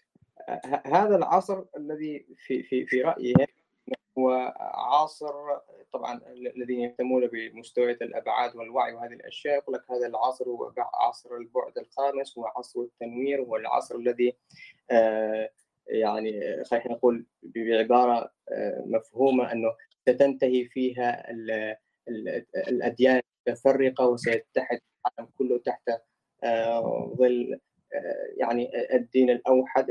أو ما يروج ما تروج له كانت هينا بلافاتسكي في ثيوسوفيا دين الحكمة. فهذا ما يقصدوه بعصر الدلو على حسب علمي. أما ارتباطه بالنسوية فإن كانت آه، هينا بلافاسكي كانت تبشر بهذا الشيء وكما ذكرت الأستاذة إنه في ارتباط بين النسوية والثيوسوفيا آه، فممكن نرى الرابط من من هذه الناحية. آه، لكن على ذكر النسوية تذكرت سؤال كان موجود في المحاور هو علاقة النساء بالإقبال على هذه الأمور. ما أدري هل تاخر تأخرنا على على هذا المحور أم يمكن ذكره هنا. لا لي تفضل تفضل عندك هو السؤال إنه هل هل النساء أكثر اقبالا من الرجال إلى إلى تعاليم حركة العصر الجديد؟ الحقيقة إنه نعم. نعم وليس يعني من كيسي. يعني هذه المعلومة ليست من كيسي. هذه معلومة إحصائية يعني. احصائيا فعلا نسبة النساء المقبلات على آه، هذه التعاليم وحركة العصر الجديد هي أكثر من نسبة آه، الذكور. ولكن لماذا لا أعلم على وجه التحديد لأنه الأرقام لا تأتي بتفسيرات يعني. لكن يمكن أن الواحد يقاربها من من منظور نفسي يعني. هو عموما النساء ليست يعني لسنا أكثر اقبالا فقط آه، أو أو نسبيا أكثر من الرجال اقبالا على حركة العصر الجديد. أنا اظن أظن أنه حتى في في أي ندوة في أي نقاش في أي محاضرة في أي شيء نسبة النساء تكون أكثر اقبالا من الرجال. وهذا بسبب نبدأ نصدر بالرجال كي لا يعني كي يتحسس النساء. أن الرجال نفسيا هم أكثر قاب أو أو يعني نسبة الرجال النرجسيين أستاذ أنس ممكن فقدنا ال... فقدنا الاتصال. آه ممكن فكرة أنس تقريبا لو فهمت صح بيقول إنه ممكن الرجال أكثر أكثر عندهم نوع من النرجسيه فهذا يمنحهم من أو يقلل من رغبتهم في حضور الدورات والاستماع والتعلم من غيرهم. ممكن هذا يفسر آه نسبة أن النساء أكثر دائما في حضور الدورات في حضور المناسبات التعليمية زي هذه يعني. آه يعني سبحان الله يعني كان كان الحوار شيق جدا مع أنس رقية تجاوزنا حتى الوقت المسموح آه، للنقاش. تو ممكن ننتقلوا لفقرة الأسئلة والمداخلات. وممكن في نهاية الحوارية حنرجعوا خمس دقائق أو عشر دقائق تقريبا باش نسمعوا لو في أي نوع من النصائح كيف نتصدوا لهذه الظاهرة من الأستاذة رقية ومن الأستاذ أنس. فتو إن شاء الله حنفتح المجال لأي أسئلة أو أي أو أي تعليقات من من المستمعين إن شاء الله. فلو حد عنده أي سؤال الأستاذ أنس أو الأستاذة رقية يتفضل وإحنا نسمعه فيه. هل ممكن داخل؟ تفضل تفضل عبد الرحمن طبعا بارك الله فيك عبد الرحمن والأستاذ أنس والاستاذ رقية بارك الله فيكم. آه، عندي إضافة بسيطة جدا هي. حول موضوع المرجعية وأثرها في صياغة تفكيرنا أو إنها كيف توجهنا وتمنعنا من الخوض في الموضوع هذا. فبنحكي من فهمنا الشخصي الموضوع هذا وفي أكثر أكيد في أكثر من شخص يتفق معي القرآن الكريم والله عز وجل يعني هو القرآن الكريم كتاب هداية والرسول صلى الله عليه وسلم أيضا آه، تجسيد لهذه الهداية. ف ففي مرة الشخص يتساءل بيقول كيف هذا القرآن يهدينا لموضوع العلوم؟ شنو علاقة القرآن بالعلوم؟ أه نستحضر عادة ديما في الآية ويسألونك عن الأهلة يسألونك عن الأهلة. فكان الرد الله عز وجل قل هي مواقيت للناس والحج. فكان كأن الغاية من موضوع الأهلة والنجوم وغيرها اللي هو أن إحنا نستفيدوا منها ونستغلوها في موضوع تهدينا في موضوع الوقت والتنظيم وغيره فكان كانه توجيه نقول إحنا بالإنجليزي نقول هنت يعطيك ملمح يعني اتجهوا في المبحث هذا. إن هذا حف... وهذا فعلا هذا ما صار فعلماء المسلمين لما نظروا الاهله ونظروا الكذا فقعدوا يطوروا في الأدوات إلى أن يعني باش يتعرفوا على مواقيت الصلاة ويتعرفوا على كيف مقياس يعني كيف يعني الحج وغيره والاتجاهات. فظهر الاسترلاب وغيره و ولكن كان في سؤال آخر يسألونك عن الروح. فكان رد الله عز وجل قل الروح من أمر ربي. وما أوتيت من العلم إلا قليلا. فهنا كأن مبحث الروح والخوض فيها والبحث في أسرارها وكذا كأن تم يعني إغلاقه. لأن هذا من أمر ربي يعتبر أمر غيبي. فعملية البحث فيه وال... وفي الغوص فيه مش حيوصلك لنتيجة مجدية. يعني يعني العالم للآن يتخبط مش عارف ماهية الروح. باش يقول أنا عندي علم الروح وأنا بنقول لك أن الروح شنو بيصير فيها؟ ونقول لك ان سر السر وسر الروح. يعني لو كان يعني المعلومات الوحيدة اللي نعرفها هي ما جاء عن الله عز وجل وعن الرسول صلى الله عليه وسلم في آه الروح. يعني في معلومات مع مذكورة في القرآن الكريم. يعني شنو بيصير في مآلها كيف جد كيف يعني الله نفخ الروح فينا ويوم القيامة شنو بيصير. يعني مفروض ما نطلعوش من الإطار اللي رسمه خالق الروح لنا وعلمنا. فهذه لو الإنسان يدرك الحقيقة هذه في باله أعتقد حتمنعه أو حيكون زي اللقاح ليه إنه هو يقع فخ في البرامج هذه اللي تتكلم عن الروح والطاقة وغيرها وحاجة أخيرة بس بنضيفها اللي هي أثر الأنميات. اثر مثلا الرسوم والأفلام والمسلسلات خاصة الغربية وغيرها في بالذات الأنمي الياباني تحديدا لأنه هو منبثق أو طالع من عقائد زي عقيدة الشنتو وعقيدة البوذيه يعني يعني الديانات الشرقية. فهي تتجسد ويشرحوا فيها عن طريق الامنيات الأنمي بشكل غزي العالم كله. يعني أشهر مثال ناروتو من ما يعرفش يعني مش الصغير ناروتو أو Fullmetal Alchemist يعني الخيميائي المعدني الكامل. وغيرها أنا مش مش حنستحضر الأنميات الكاملة لكن توصل كلها في الأفكار هذه وتغرس فيها في الشباب الشباب الصغير. إحنا ممكن نقول نحس روحنا واعيين لكن الجيل الصغير لما يفتح عينه يلقى رسوم هو إحنا في الأهل ما عادش يميزوا يقول لك كله رسوم رسوم وخلاص. كل ما يحسبوهم زي فلونا وسندباد وسندبيل وغيره لكن الواقع غريب. يعني أنت عقيدة بوذيه كاملة زي مثل مسلسل افاتار يعني يشرح لها فيها بالتفاصيل الشاكرا والبوابات وكيف تفتح وكذا وكذا. وطفلنا المسلم اللي المفروض يتفرج على الأمور هذه. فبعدين هو لما يكبر ويسمع إنه في دورة تتكلم عن الطاقة والشاكرا وكل شيء وناس حقيقيين فأقرب للتصديق من شخص ما عندهاش المعلومة هذه. فسامحوني على الاطاله وبارك الله فيكم الله يبارك فيك. أه لو أستاذ أنس أو أستاذ رقية عنده تعليق على كلام عبد الرحمن؟ جزاك الله خيرا. آه، فعلا موضوع الأنمي وحتى في, في السينما بشكل عام يروج لمثل هذه الأشياء ولكن بشكل خاص الأنمي حتى لو لو تلاحظ الأنمي هم آه، يعني يستعرضون عقائد أخرى. يعني ممكن يست... ممكن يكون في في عقائد مسيحية خلاف ذلك ولكنهم لما يستعرضون عقائد غير هذه العقائد غير العقائد الشرقية الوثنية هذه عادة ما يعرضونها بشكل مشوه. لكن خصوصا لما يستعرضون عقائدهم عقائدهم الطاقة. ناروتو Fullmetal Alchemist. افاتار مثل ما قال دائما يعرضونها عرضا منمقا جميلا بهيا بحيث إنه يبدو أنه فعلا يريدون الترويج لهذه العقائد. آه، فجزاك الله خيرا. كانت يعني مداخلة مهمة جدا. الله يبارك فيك. أستاذ رقية لو عندك تعليق على كلام عبد الرحمن.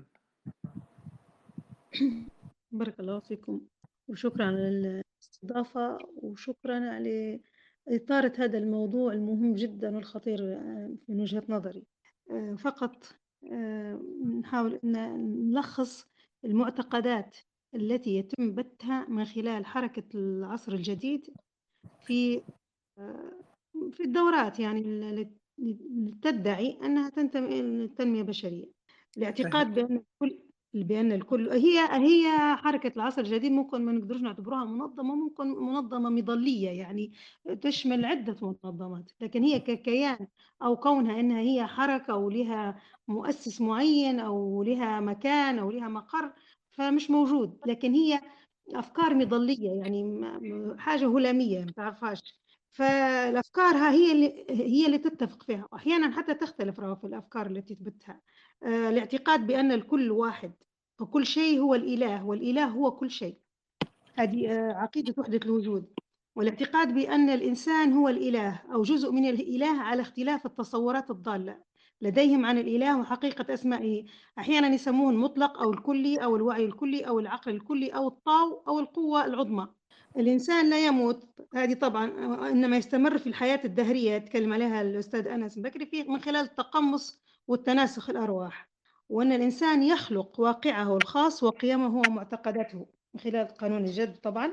آه فيه القضية المثارة أخيرا وهي من صنع هذه الحركة عقيدة وحدة الأديان أو هو الدين الإبراهيمي اللي قاعد يحاولوا نشره. فهذه واحدة من عقائدهم عقيدة وحدة الأديان واحدة من العقائد التي يقومون ببثها تعظيم يعني فعلا لما تشوف كيفية ارتباط هذه الأفكار كلها بمشروع واحد يعني. أيوة. في الأخير تجمع الخيوط تلقاها تجتمع. وحاجة مهمة ممكن ما أعطيناهاش حقها تعظيم الإنسان وتأليهه. وممكن ذكرها الأستاذ أنس من خلال آه، لما قال إن يقول لك أنت رب صغير يعني كل واحد في داخله الرب. الدورات هذه تدعو إلى تعظيم الذات الإنسانية وتأليها يعني بشكل غريب. أنت قادر على كل شيء أطلق العملاق التي الذي في داخلك. وبذلك اتجهنا إلى الفردية يعني الإنسان أصبح وكأنه هو عايش لنفسه. سبحان الله. هو الزوج يعني. الله المستعان. الله يسهل أستاذ رقي الله يبارك فيك. آه تو ممكن نمشي لإخلاص. إخلاص لو عندك سؤال المايك عندك. السلام عليكم ورحمة الله وبركاته. آه، أول شيء بارك الله فيكم على هذا الحوار المفيد جدا واللي نحتاجه كلنا. نسأل الله أن ينفع بكم. آه، عندي عدة نقاط نضيفها آه، من خلال تجربتي في محاورة والدخول مع البنات يعني اللي اللي متأثرات بعلم الطاقة والحاجات هذه. أول شيء مشكلة آه، تعاطينا نحن الموضوع أو أنا شخصيا كيف كنت نتعاطى فيه وبعض البنات اللي اللي يحاربوا يحاربوا في الحاجة هذه كنا ديما نقولوا الطاقة وهم الطاقة وهم الطاقة وهم لكن الحاجة هذه مش حتجذب أو مش حتنقذ الناس اللي متأثرين بهذا الشيء لأنهم أصلا مش مهتمين لكن يقولوا لك أسألني عن تجربتي أنا ما تسألنيش عن العلم. فهم عندهم يعني زي ما زي ما نعرف مرات تصدف إن شخص يجي قاعد يفكر يفكر بحاجة و...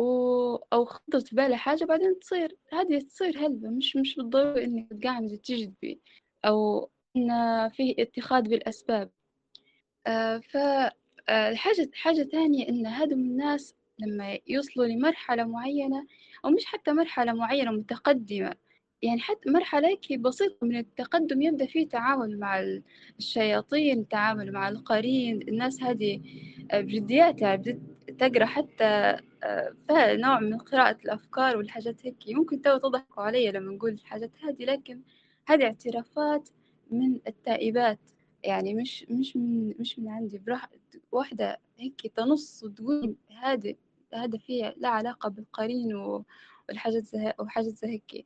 وطبعا يعني بحثت حتى على اعترافات المسيحيين اللي خشوا في المجال هذا. فالموضوع هذا شيطاني بحت شيطاني بحت. في أشياء يشوفوا فيها في أشياء يحسوا بها لما راقدين فتصير لهم أشياء. فوالله متخيلين واحد واحد من الترديدات اللي يقولوا فيها من بداية المستويات. يعني مش مستوى عالي لا هذا قدموا فيه بالمجان يعني في تدريباتهم الكوتشز أو في في قنواتهم. يقول لك اللهم أزل الحواجز اللهم أزل الحواجز تقعد تردد فيها. ف آه، يعني بزعمهم إن الحواجز هذه تقع يعني بينهم وبين أهدافهم.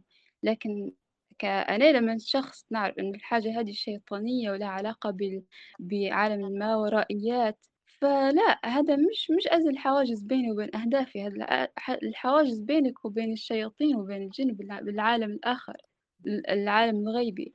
آه كلاب والله كارثة جدا. من المستويات الأولى أو يعني آه قنواتهم على العلن.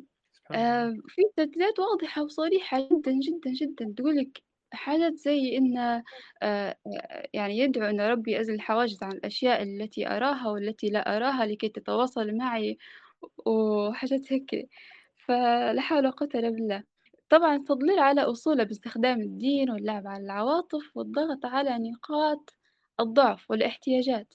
يعني واحدة من الحاجات اللي شفتها يعني مضحكة مبكية إن واحدة تقول لهم أقرأ سورة التكاثر كم مرة باش يجيكم الرزق والمال وحاجات زي هيك.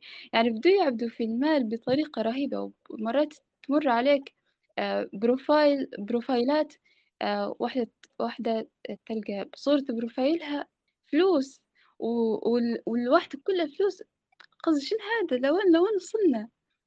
آه مشكلة تانية مهمة جدا جدا جدا اللي هي إن هادو الناس ما عادش عندهم ثقة في العلماء في الدعاة في المفكرين. المفسر متاعهم أحمد عمارة المحدث متاعهم أحمد عمارة المفتي متاعهم استفتي قلبك. وفي في عقيدة أخرى منتشرة منتشرة جدا ومش بالضروري إنها تكون محتكة يعني مباشرة بالموضوع اللي هي يخلوا إنهم يخلوا الناس ما عندهاش ما في إن إنها تفكر إن ما فيش فرق بين الحق والباطل الخير والشر ما فيش تمييز بيناتهم.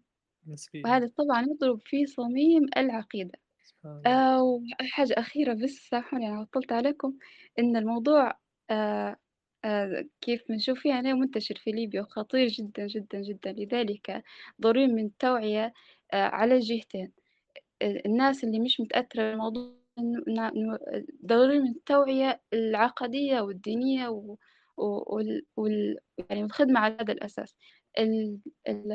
الطرف الآخر هو إنقاذ الناس اللي دخلت الموضوع هذا. وطبعا هذا الشيء يحتاج إلى إلى يعني فقه في التعامل وفي الدعوة و... ومعرفة كويسة. بحقيقة هذه الأمور ولوين وصلوا وتفكيره وتفكيرهم. وهذا هو إن شاء الله, الله نسأل الله السلامة شكرا الله يبارك فيك. أنا فقط تبي نتأكد أنك أنت تفهم في اللهجة الليبية صح؟ آه مفهومة. هذه اللهجة يبدو أنها لهجة ليبية بيضاء لأنه أعرف يعني ما أفهم. لكن آه أنس قلت لك إن في في ناس يعني لما تقول لهم هذا وهم يقول أنا استفدت منه أنا جربته وانفع معي أنا فكرت وحاجتني يعني. كيف ناس زيادة كيف تتعامل معهم يعني؟ نعم آه، الحقيقة التفصيل في في في الرد على هؤلاء طويل جدا لأنه هناك نعم. أصلا تقديرات علمية لماذا أصلا أنت شعرت بأنك انتفعت لأنه أنت حق أنت حقا لا تعلم أنك انتفعت أو لو أو لم تنتفع يعني. طيب. فلذلك عندي حلقة اسمها جربتها ونفعت. جربتها ونفعت. ساعة. صراحة صراحة أنا أمس شفت الحلقة هذه يعني وأنصح الجميع بال بمشاهدتها. إيه. آه، فكهذا خلاص أي حد عنده نفس الإشكالية هذه إن شاء الله يراجع حلقة انس في على القناة بتاعه يعني. مجرد إنه مشي وقت بالسلبة تو بس يا انس آه، تو ننتقلوا لأسيل. أسيل آه، تفضلي المداخلة عندك. السلام عليكم ورحمة الله وبركاته. عليكم السلام. بارك الله فيكم على طرح الموضوع جدا مهم وجدا معاصر يعني حقيقة وحساس. يعني تقريبا العام الماضي في شهر ثلاثة أو حاجة هيك طرحنا الموضوع يعني عبر إذاعة التناصح و... ودليل على أن الموضوع مسهم ومس يعني ال group ات المتفاعلة في ليبيا حاليا لأنه مباشرة صار لي حظر يعني عمل group. رغم أني ما كنتش متفاعلة فيه. ف... فالموضوع جدا حساس ومهم حقيقة يعني. آه من غير group ديفا تقريبا الأغلب آه يعرف group ديفا. إحنا عندنا هنا آه، فتاة من مصراتة دايرة group موازي ل group ديفا وضخ في في في أعظم من موجود في الديفا للأسف الشديد والنساء عليها الإقبال كبير جدا. الإشكالية الأساسية اللي لاحظتها في لتجمع الموضوع أو طريقة استقطاب النساء آه، لهذا الأمر إن يربطوا في آه، أفكارهم وشبههم أو يغلفوا فيها بالدين. من آه، حسن الظن بالله من الأخذ بالأسباب لتغيير الأقدار أمور واجد. وللأسف الشديد هذا ما نقولش حتى جذب الناس العاديه أو النساء العاديات بس اللي هن ما نقدر نقول ما عندهمش منطلقات شرعية واضحة بل حتى جذب طالبات العلم الشرعي للأسف الشديد. والجروب اللي في المشرفة عليه هذه الفتاة في مصراتة للأسف الشديد خريجة كلية العلوم الشرعية للأسف. فهنا يرجعنا لإشكالية أساسية الإشكالية اللي هن القواعد والمنطلقات عند المسلم مضروبة دليل أنها مضروبة جدا وإن النساء مش فاهمات أصول عقيدتها أو أو مش أصول عقيدتهن بالتفصيل بس أصلا مش فاهمات أصول دينهن الأساسيات ومنطلقات دينهن مش فاهمات. الأمر الآخر إن العلم الشرعي المصمت الحلال والحرام والأصول الفقه والفقه والحديث والأمور اللي تدرس في الكليات في ليبيا لا تواكب ولو واحد بوينت آه، آه، يعني واحد في المية من آه، من الموجود في الواقع المعاصر. فهذا يعتبر إشكال كبير جدا وأنا طرحت الموضوع في حتى في في كلية الدراسات الإسلامية في الزرق وللأسف الشديد لأن القيمين على يعني رجال كبار في العمر مواكبين للواقع. فنلقوا نعم. أن يعني أبسط المنطلقات والأسس والقواعد الشرعية مثلا لا يجوز لمؤمن مكلف أن يقدم على عمل حتى يعلم حكم الله فيه. هذا غير معروف عند الناس. يعني يحسبوا فيه الأمر عادي جدا ويقدم على أمور حياتهم بدون ما يعرف حكم الشرع فيه. إن الأمور الغيبية إحنا ما ناخذوهاش إلا من الخبر الصادق القرآن والسنة.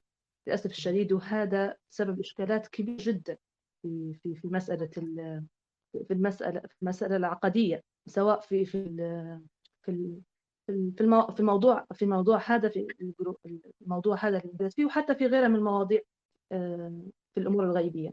آه، إن العبادات والإيمانيات اللي نتعبدوا بها وفق ما جاء بها الشرع. ما تزيد الشرع تنقص وما فيهاش اجتهاد لبشر. أن أصل الحياة أن خلقنا لعبادة الله. يعني أمور عامة المفترض أي مسلم يكون فاهمها ومنطلق نعم. منها. ف... فالواقع أن الواقع والتطبيق الموجود يستغل في الفهم السطحي أو نقول استغلال بعض النصوص عن سياقها ويغلف بها في أفكارهم وفي منطلقاتهم. فهذا يجيبنا لأمر إنه إحنا كيف نعالجوا الواقع هذا. الواقع اللي هو إحنا نقوله آه، يعني جاهل يعني ما نحبش المصطلح نستعمله واجد لكن الحقيقة جهل آه، المسلم بدينه. بأبسط ما نقدرش نقول بدينه بالعموم بس بأبسط أبسط منطلقات دينه جاهل بها فهذه إشكالية كبيرة. المؤسسات الشرعية زي ما تفضلت سابقا إن للأسف الشديد غير مواكبة للموجود في الواقع ولا غير مواكبة حتى للقضايا المعاصرة وحتى تحاول أن تصرف منهم أو تحاول أنهم توعيهم أو تنبههم على بعض الأمور تلقى الصد وتلقى التهوين والاستهزاء للأسف الشديد. سبحان الله. ف... هذا نفس ذكرته أستاذة رقية بكري يعني للأسف. نعم. ونسأل الله أن تكون مثل مثل هذه الحواريات هي يعني آه لو تلعب جزء بسيط من زيادة الوعي في المجتمع واللي بالتالي حي... حينعكس على على وعي المشايخ ووعي آه، المسؤولين يعني بإذن الله عز وجل. آه شكرا أسيل الله يبارك فيك أستاذ رقيه لو عندك تعليق آه على كلام أسيل في موضوع في موضوع ذكراته يعني. بخصوص آه، لي اعناق النصوص هذا حتى اللي تكلمت عليها أنا الدورة اللي كنت حضرتها آه، في الأكاديمية دي الدولية اللي حكيت لك عليها آه، أغلبية المواضيع تمرر من خلال آه، لي النصوص يعني أن نجيبوا حديث أو آية وتفسر حسب ما يتماشى مع الفكرة اللي بيوصلوها وتمشي يعني ما تمشي ما حدش يعترض عليها. وكأن نحن نبحث عليه مبرر يعني كأن اللي يستمع هو نفسه يبحث على مبرر بشيء وفعلا كلام أسيل صحيح. حتى في خلال حتى من خلال لو تبع صلاح الراشد آه، نفس الفكرة. تطويع النصوص على حسب ما يريد أن الوصول إليه. سبحان الله بدل ما يكون الدين هو الحاكم الأشياء أصبح للأسف يعني عبارة أنه هو خادم خادم يلمع هذه الأفكار وهذه ويطوع باش يتماشى مع هذه الأفكار فيكون هو المحكوم للحاكم يعني. والله المستعان. نعم. آه لو تو آه، استاذه ماريا موجودة. ماريا تفضلي المكالمه لك المساحة لك السلام عليكم. وعليكم آه، السلام ورحمة بارك الله فيكم على على هذه الحوارية. وهذه الحواريات عموما يعني بارك الله فيكم إن شاء الله ربي ينفعنا بكم. آه عندي آه أسئلة للأستاذ أنس. واللي هي هي يعني نوعًا ما تعقيب على اللي قيل من قبل، آه، هي ما هي البرامج الموجودة التي تنصحون بها لرفع المعنويات عند الناس العامة يعني بمنظور إسلامي؟ يعني أتكلم مثلًا على الشعب الليبي يعني كنا عايشين منذ أجيال في حكومة ظالمة، وفي أمراض نفسية يعني غير معروفة، والآن يعني تتكاثر هذه هذه الأمراض ويعني الأفكار حول الأمراض النفسية يعني. فهل في برامج إسلامية يعني مبسطة موجودة للكلام هذا؟ وما حال علم النفس والأمراض النفسية بالمنظور الإسلامي؟ يعني هو يعني خروج على على على على هذه الحوارية ولكن يعني يعني ما البديل يعني من من التنمية البشرية لو كان يعني كما قلتم يعني أن المنظور الإسلامي يعني في في في في بلداننا ناقص يعني. هل هناك برامج يعني تنصحون بها مثلا؟ أو يعني هل من الممكن يعني إحنا كيف نستطيع أن نعرض خدماتنا على الأقل يعني المشاركة يعني في هذا المجهود؟ وبارك الله فيكم. آه, آه، شكرا جزيلا. صراحة سؤال آه مهم. آه، والإنسان يتوقعه يعني لما للأسف التنمية البشرية وما فعلوه أن يختلط على الناس أنها مساحات متعلقة بعلم النفس. فكثير ممن يتابعون يعني حتى أسجل هنا اعتراف أنا قبل قبل سنوات آه، كنت أظن التنمية البشرية لما كنت أتأثر بالتنمية البشرية كنت أظنها علم نفس يعني. آه، فهذا السؤال متوقع ويعني أظن بسبب إلى حد ما علم النفس آه، ليس بذاك القوة في في في عالمنا العربي آه، والاهتمام بالأمراض النفسية والعلاج النفسي والوقاية النفسية يعني ليس بذاك ليس بتلك الكثرة يعني. ولكن بخصوص البرامج الموجودة آه، في خصوص علم النفس بديلة عن التنمية البشرية هو لا نقول بديلة هي أصيلة. ويفترض أن الناس إذا إذا يعني اعترافهم أو عارض نفسي معين أن يذهبوا لأهل الاختصاص. لأهل يتوجهوا مباشرة لأهل الاختصاص. بالنسبة للبرامج الدكتور الفاضل عبد الرحمن ذاكر الهاشمي يعني من أبرز من يقدم منظور إسلامي للنفس البشرية.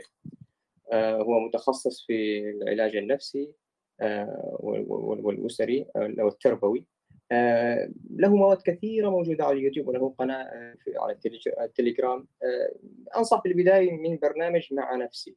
عنده برنامج في اليوتيوب اسمه مع نفسي. ثم متابعة أعمال الدكتور. الله يبارك فيك أنس الله يجزاه خير. ممكن نشارك بشيء تفضل أحمد تفضل. في حاجة تفكرتها سابقا سمعت بموضوع ما يعرف بالإسقاط النجمي. فكان أحد الأشياء اللي كان يروج يعني يروج لها. ما أعتقدش مش عارف أنا هل هو تابع ضمن حركة العصر الجديد أو لا أو ضمن البرامج هذه. بس هي موضوع أنا يقولوا للناس بفكرة جذابة نوعا ما يقول أنت كيف تخلي الروح متاعك يتحكم فيها؟ يعني أنت كيف الحلم متاعك في الليل تبدأ أنت تتحكم فيه؟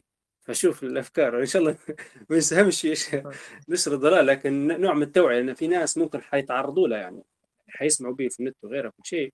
أنه يقول له أنت في تطبيقات معينة تدريبات تديرها تبدأ الروح نتاعك تقدر أنت تطلعها من الجسد نتاعك تقدر تطوف بها تتحرك بها. تشوف شنو صاير تسمع مثلا شنو صاير في الدار الثانية تقدر تشوف جيرانك شو يديروا. ففكرة مغرية لبعض الناس اللي قلت لك مش فاهمين الطبيعة هذه. فمن ينصحوا فيهم تاع تبدأ تقول زي ما نسيت تقريبا ممكن إخلاص ذكرتها انه يبدا يكرروا في كلام تاع أرفع الحجب وأرفع هذه يقعد مثلا يتخيل في حبل يقعد يشد فيه. في يعني حاجات يعني كلها يعني للأسف شيطانية واضح. فاثارها للأسف سلبية. أنا سمعت زمان يعني يعني قبل عشر سنوات أو أكثر يعني كيف الموضوع مر علي. فبحثت عليها في النت وشفت يعني في ناس فعلا آه، حاولت تطبق شهادة وكانت هي أثار سلبية يعني. النوم صارت المشاكل في النوم مشاكل في الأرق يعني خطوات الشيطان هذه هي. ربي قال لا تتبع خطوات الشيطان. فهي يبين لك شيء مغري. فما يعني الناس ممكن تعتقد خطوات الشيطان هي عبارة عن الفتن أو يعني نقول إحنا الشهوات العادية المعروفة يعني الذنوب العادية. لا في هذه نوع من الشهوات أو الفتن اللي ممكن تقود الإنسان إلى تدمير حياته. ف فهذه حبيت نضيفها لو متى الاخ أنس لو عنده تعقيب عليها أو كيف يربطها مع أو كيف نشأتها لو عنده معلومة عليها فبارك الله فيكم. الله يبارك فيك. بارك الله فيك يا أخي. الحقيقة هو ما عندي علم حقيقي أنه فعلا إسقاط النجم له علاقة بهذه الأمور ولكن الظن الراجح آه، أنه فعلا له علاقة بهذه الأشياء خصوصا بعد أن يعني آه، عرفتها أكثر فأكثر فأغلب الظن أنها لها علاقة بهذه الأمور وممكن قياسها على الكلام الذي قلته سابقا مداخلتك السابقة أنه أمور التي تختص على الروح الروح أمر غيبي فلذلك أي معلومة عن الروح ينبغي أن يكون لها شاهد من الوحي الصادق. فعلا سبحان الله. الله يبارك فيك أنس. آه، أحمد أحمد تفضل مساح عليك السلام عليكم. وعليكم السلام ورحمة الله وبركاته. صوتي واضح آه، تسمع فيه كويس؟ واضح واضح. آه، بارك الله فيكم بارك الله فيك عبد الرحمن وفي ضيوفك الصراحة. حلقة أنا شخصيا هلبة معلومات جديدة علي واستفدت جدا جدا. وحتى لما كنا معناها بالفطرة زي ما قالوا الضيوف يعني نرفضوا في الأشياء هذه. ممكن ما حصلناش نقروا كويس وكذا. فالمعلومات اللي خديتها أنا شخصيا اليوم يعني أكيد حتسمح لي أن أنا نقدر نرد على حاجة يعني على الأفكار هذه بشكل علمي أكثر يعني. فبارك الله فيكم أولا. في نقطة نحب نضيف أعتقد إن هي آه، نقطة جوهرية جدا. باهي تتعلق بوجهة وجهة نظر الإنسان للكون والحياة. يعني إحنا أصلا كمسلمين أو أي إنسان هو على أي أساس باني وجهة نظره للكون؟ يعني هو هو كإنسان هو يعني في طبيعته؟ شنو شنو وظيفته؟ آه ليش موجود؟ ليش حي أصلا؟ فلما أنت وجهة نظرك تبدأ أنا حي لأن أنا باش نعيش ون ونبني حوش وندير عيلة ون زي ما نقولوا ويكون يعني نطور الحياة وكذا. يعني في مصطلحات تحسها طبيعية هذه العادي يعني. لكن للأسف وجهه النظر الإسلامية أنت موجود باش تعبد الله سبحانه وتعالى باش تؤمن به وباش تعرفه. والحياة هي هي عبارة عن امتحان. هو امتحان أو أنت كيف خاش الامتحان يعني حتتعرض لصعوبات وحتتعرض لقلاقل وحاجات مش مريحة يعني أنت ماكش جاي هنا باش باش تستمتع وباش تبني حوش و يعني الأمور هي اللي يعني اللي هي هيك تبان كأنها طبيعية يعني. آه أنت جاي عندك امتحان. أنت في امتحان. خلقك ربي باش يمتحنك. هل أنت تصبر على المشاكل اللي تواجه فيك ولا معناها ترفض معناها تقعد تلجأ للأمور هي اللي هي يعني الخزعبلات هذه وأمثالها وكذا. هل تصبر على النعمة؟ يعني إنك تشكر تشكر النعمة اللي أعطاها لك ربي لأن النعمة هي مش أنت جبتها واستحضرتها بقوتك سواء كانت بالخزعبلات هذه أو بإنك أنت عندك علم وعندك كذا. هذه النعمة هي ربي عطيها لك. فوجهة النظر وجهة نظرنا إحنا للإنسان والكون والحياة اختلت مؤخرا. حتى حتى في أمور مش ال... يعني ما نتكلموش حتى على الكارما والأمور هذه. حتى في الأمور مثلا آه، تنظيمك للوقت وكذا في في حاجات تبان إن هي معناها يعني عادية لكن اللي صدروا فيها لأن وجهة نظرهم للكون والحياة إن أنت راو مادة في مادة عندك ال... عندك المساحة هي اللي أنت فيها توا تبي تثبت فيها وجودك ك... كشخص ماشي؟ وبعدين بتموت راو خلاص تمت هذا هو. فوجهة النظر المادية هذه تخلي هلبة أمور ثانية يعني تنعكس علينا من غير ما نحسه. يعني اللي اللي مثلا يشوف التنمية البشرية يعني مش التنميه البشريه مثلا حتى يعني كيف أنت وعلاش أصلا أنت تستفيد من وقتك والبرودكتيفيتي ومش عارف شنو. يعني اللي يقرأ هلبة يحس إن أصلا المبدا بتاعهم هيك مبدأ إنك أنت راهو يعني آه كون هذا وأنت وجودك فيه عبارة عن إنك باش تعيش هيك مش ما هوش امتحان هو. كان امور عندك أمور منغصة عليك راهو هذا إنت عندك مشكلة. يعني مش إن هذا راهو ممتحنك ربي به ولازم لازم يعني تلتجئ لله وتنكسر امام يعني بين يدي الله هذا كله اختفى يعني ولا يختفي بشوي بشوية. أنا مني أنا كإنسان أنا مني وعلاش ربي خلقني أصلا؟ الكون هو أنا شو نتعامل معاه؟ بما طريقه المفروض. الحياة هي عبارة عن شنو؟ عبارة عن امتحان عبارة عن فرصة إن أنا ندير فيها أكثر. حاجة يعني هي هذه أعتقد الشيء اللي المفروض نعتمدوا عليه في في في أمور زي هي. يعني وفي وفعلا لازم نراجعوه يعني كل ديما. وهذه اضافتي بارك الله فيكم. سبحان الله. الله يجزاك الخير الحمد لله إضافة يعني جدا مهمة صراحة يعني. الله يبارك فيك. أه والله نتمنى نأخذ أكثر اضافات من المستمعين بس آه خلاص يعني وقت الحلقة قارب على الانتهاء. فتو بننتقلوا ككلمه أخيرة تدرقيه في خمس دقائق تقريبا. شن نصيحتك آه لنا جميعا؟ كيف نحصن نفسنا من هذه الممارسات؟ وكلمة أخيرة آه للجميع هو أستاذ أحمد نبهنا لشيء. لما قال إن في هلبة حاجات مش مش موجودة حاليا أو اختفت شو السبب؟ السبب إن زي ما تكلمت بكري قلت لك إحنا العقيدة ناخذ فيها متأخرين فأصبح يفترض فينا كآباء وأمهات نحن من نقوم بملء هذا الفراغ ولا ننتظر أن يملأه أحد لأن لما يكون الابن أو الابنة خرجوا من البيت أو وصلوا لمراحل الإعدادي والثانوي وهم غير مؤهلين أو ليس لديهم عقيدة صحيحة وما يواجهوا ما عندهمش سلاح اللي بيواجهوا به الناس هذه اللي بتبت فيهم أفكار فالخطأ يصبح خطأنا. يعني إحنا لا نعتمد ولا وسائل الإعلام اللي هي فعلا قاعدة تبت في أفكار حركة العصر الجديد ولا نعتمد على المدرسة لأن هذا اثنين حيأخذوهم إلى طريق آخر.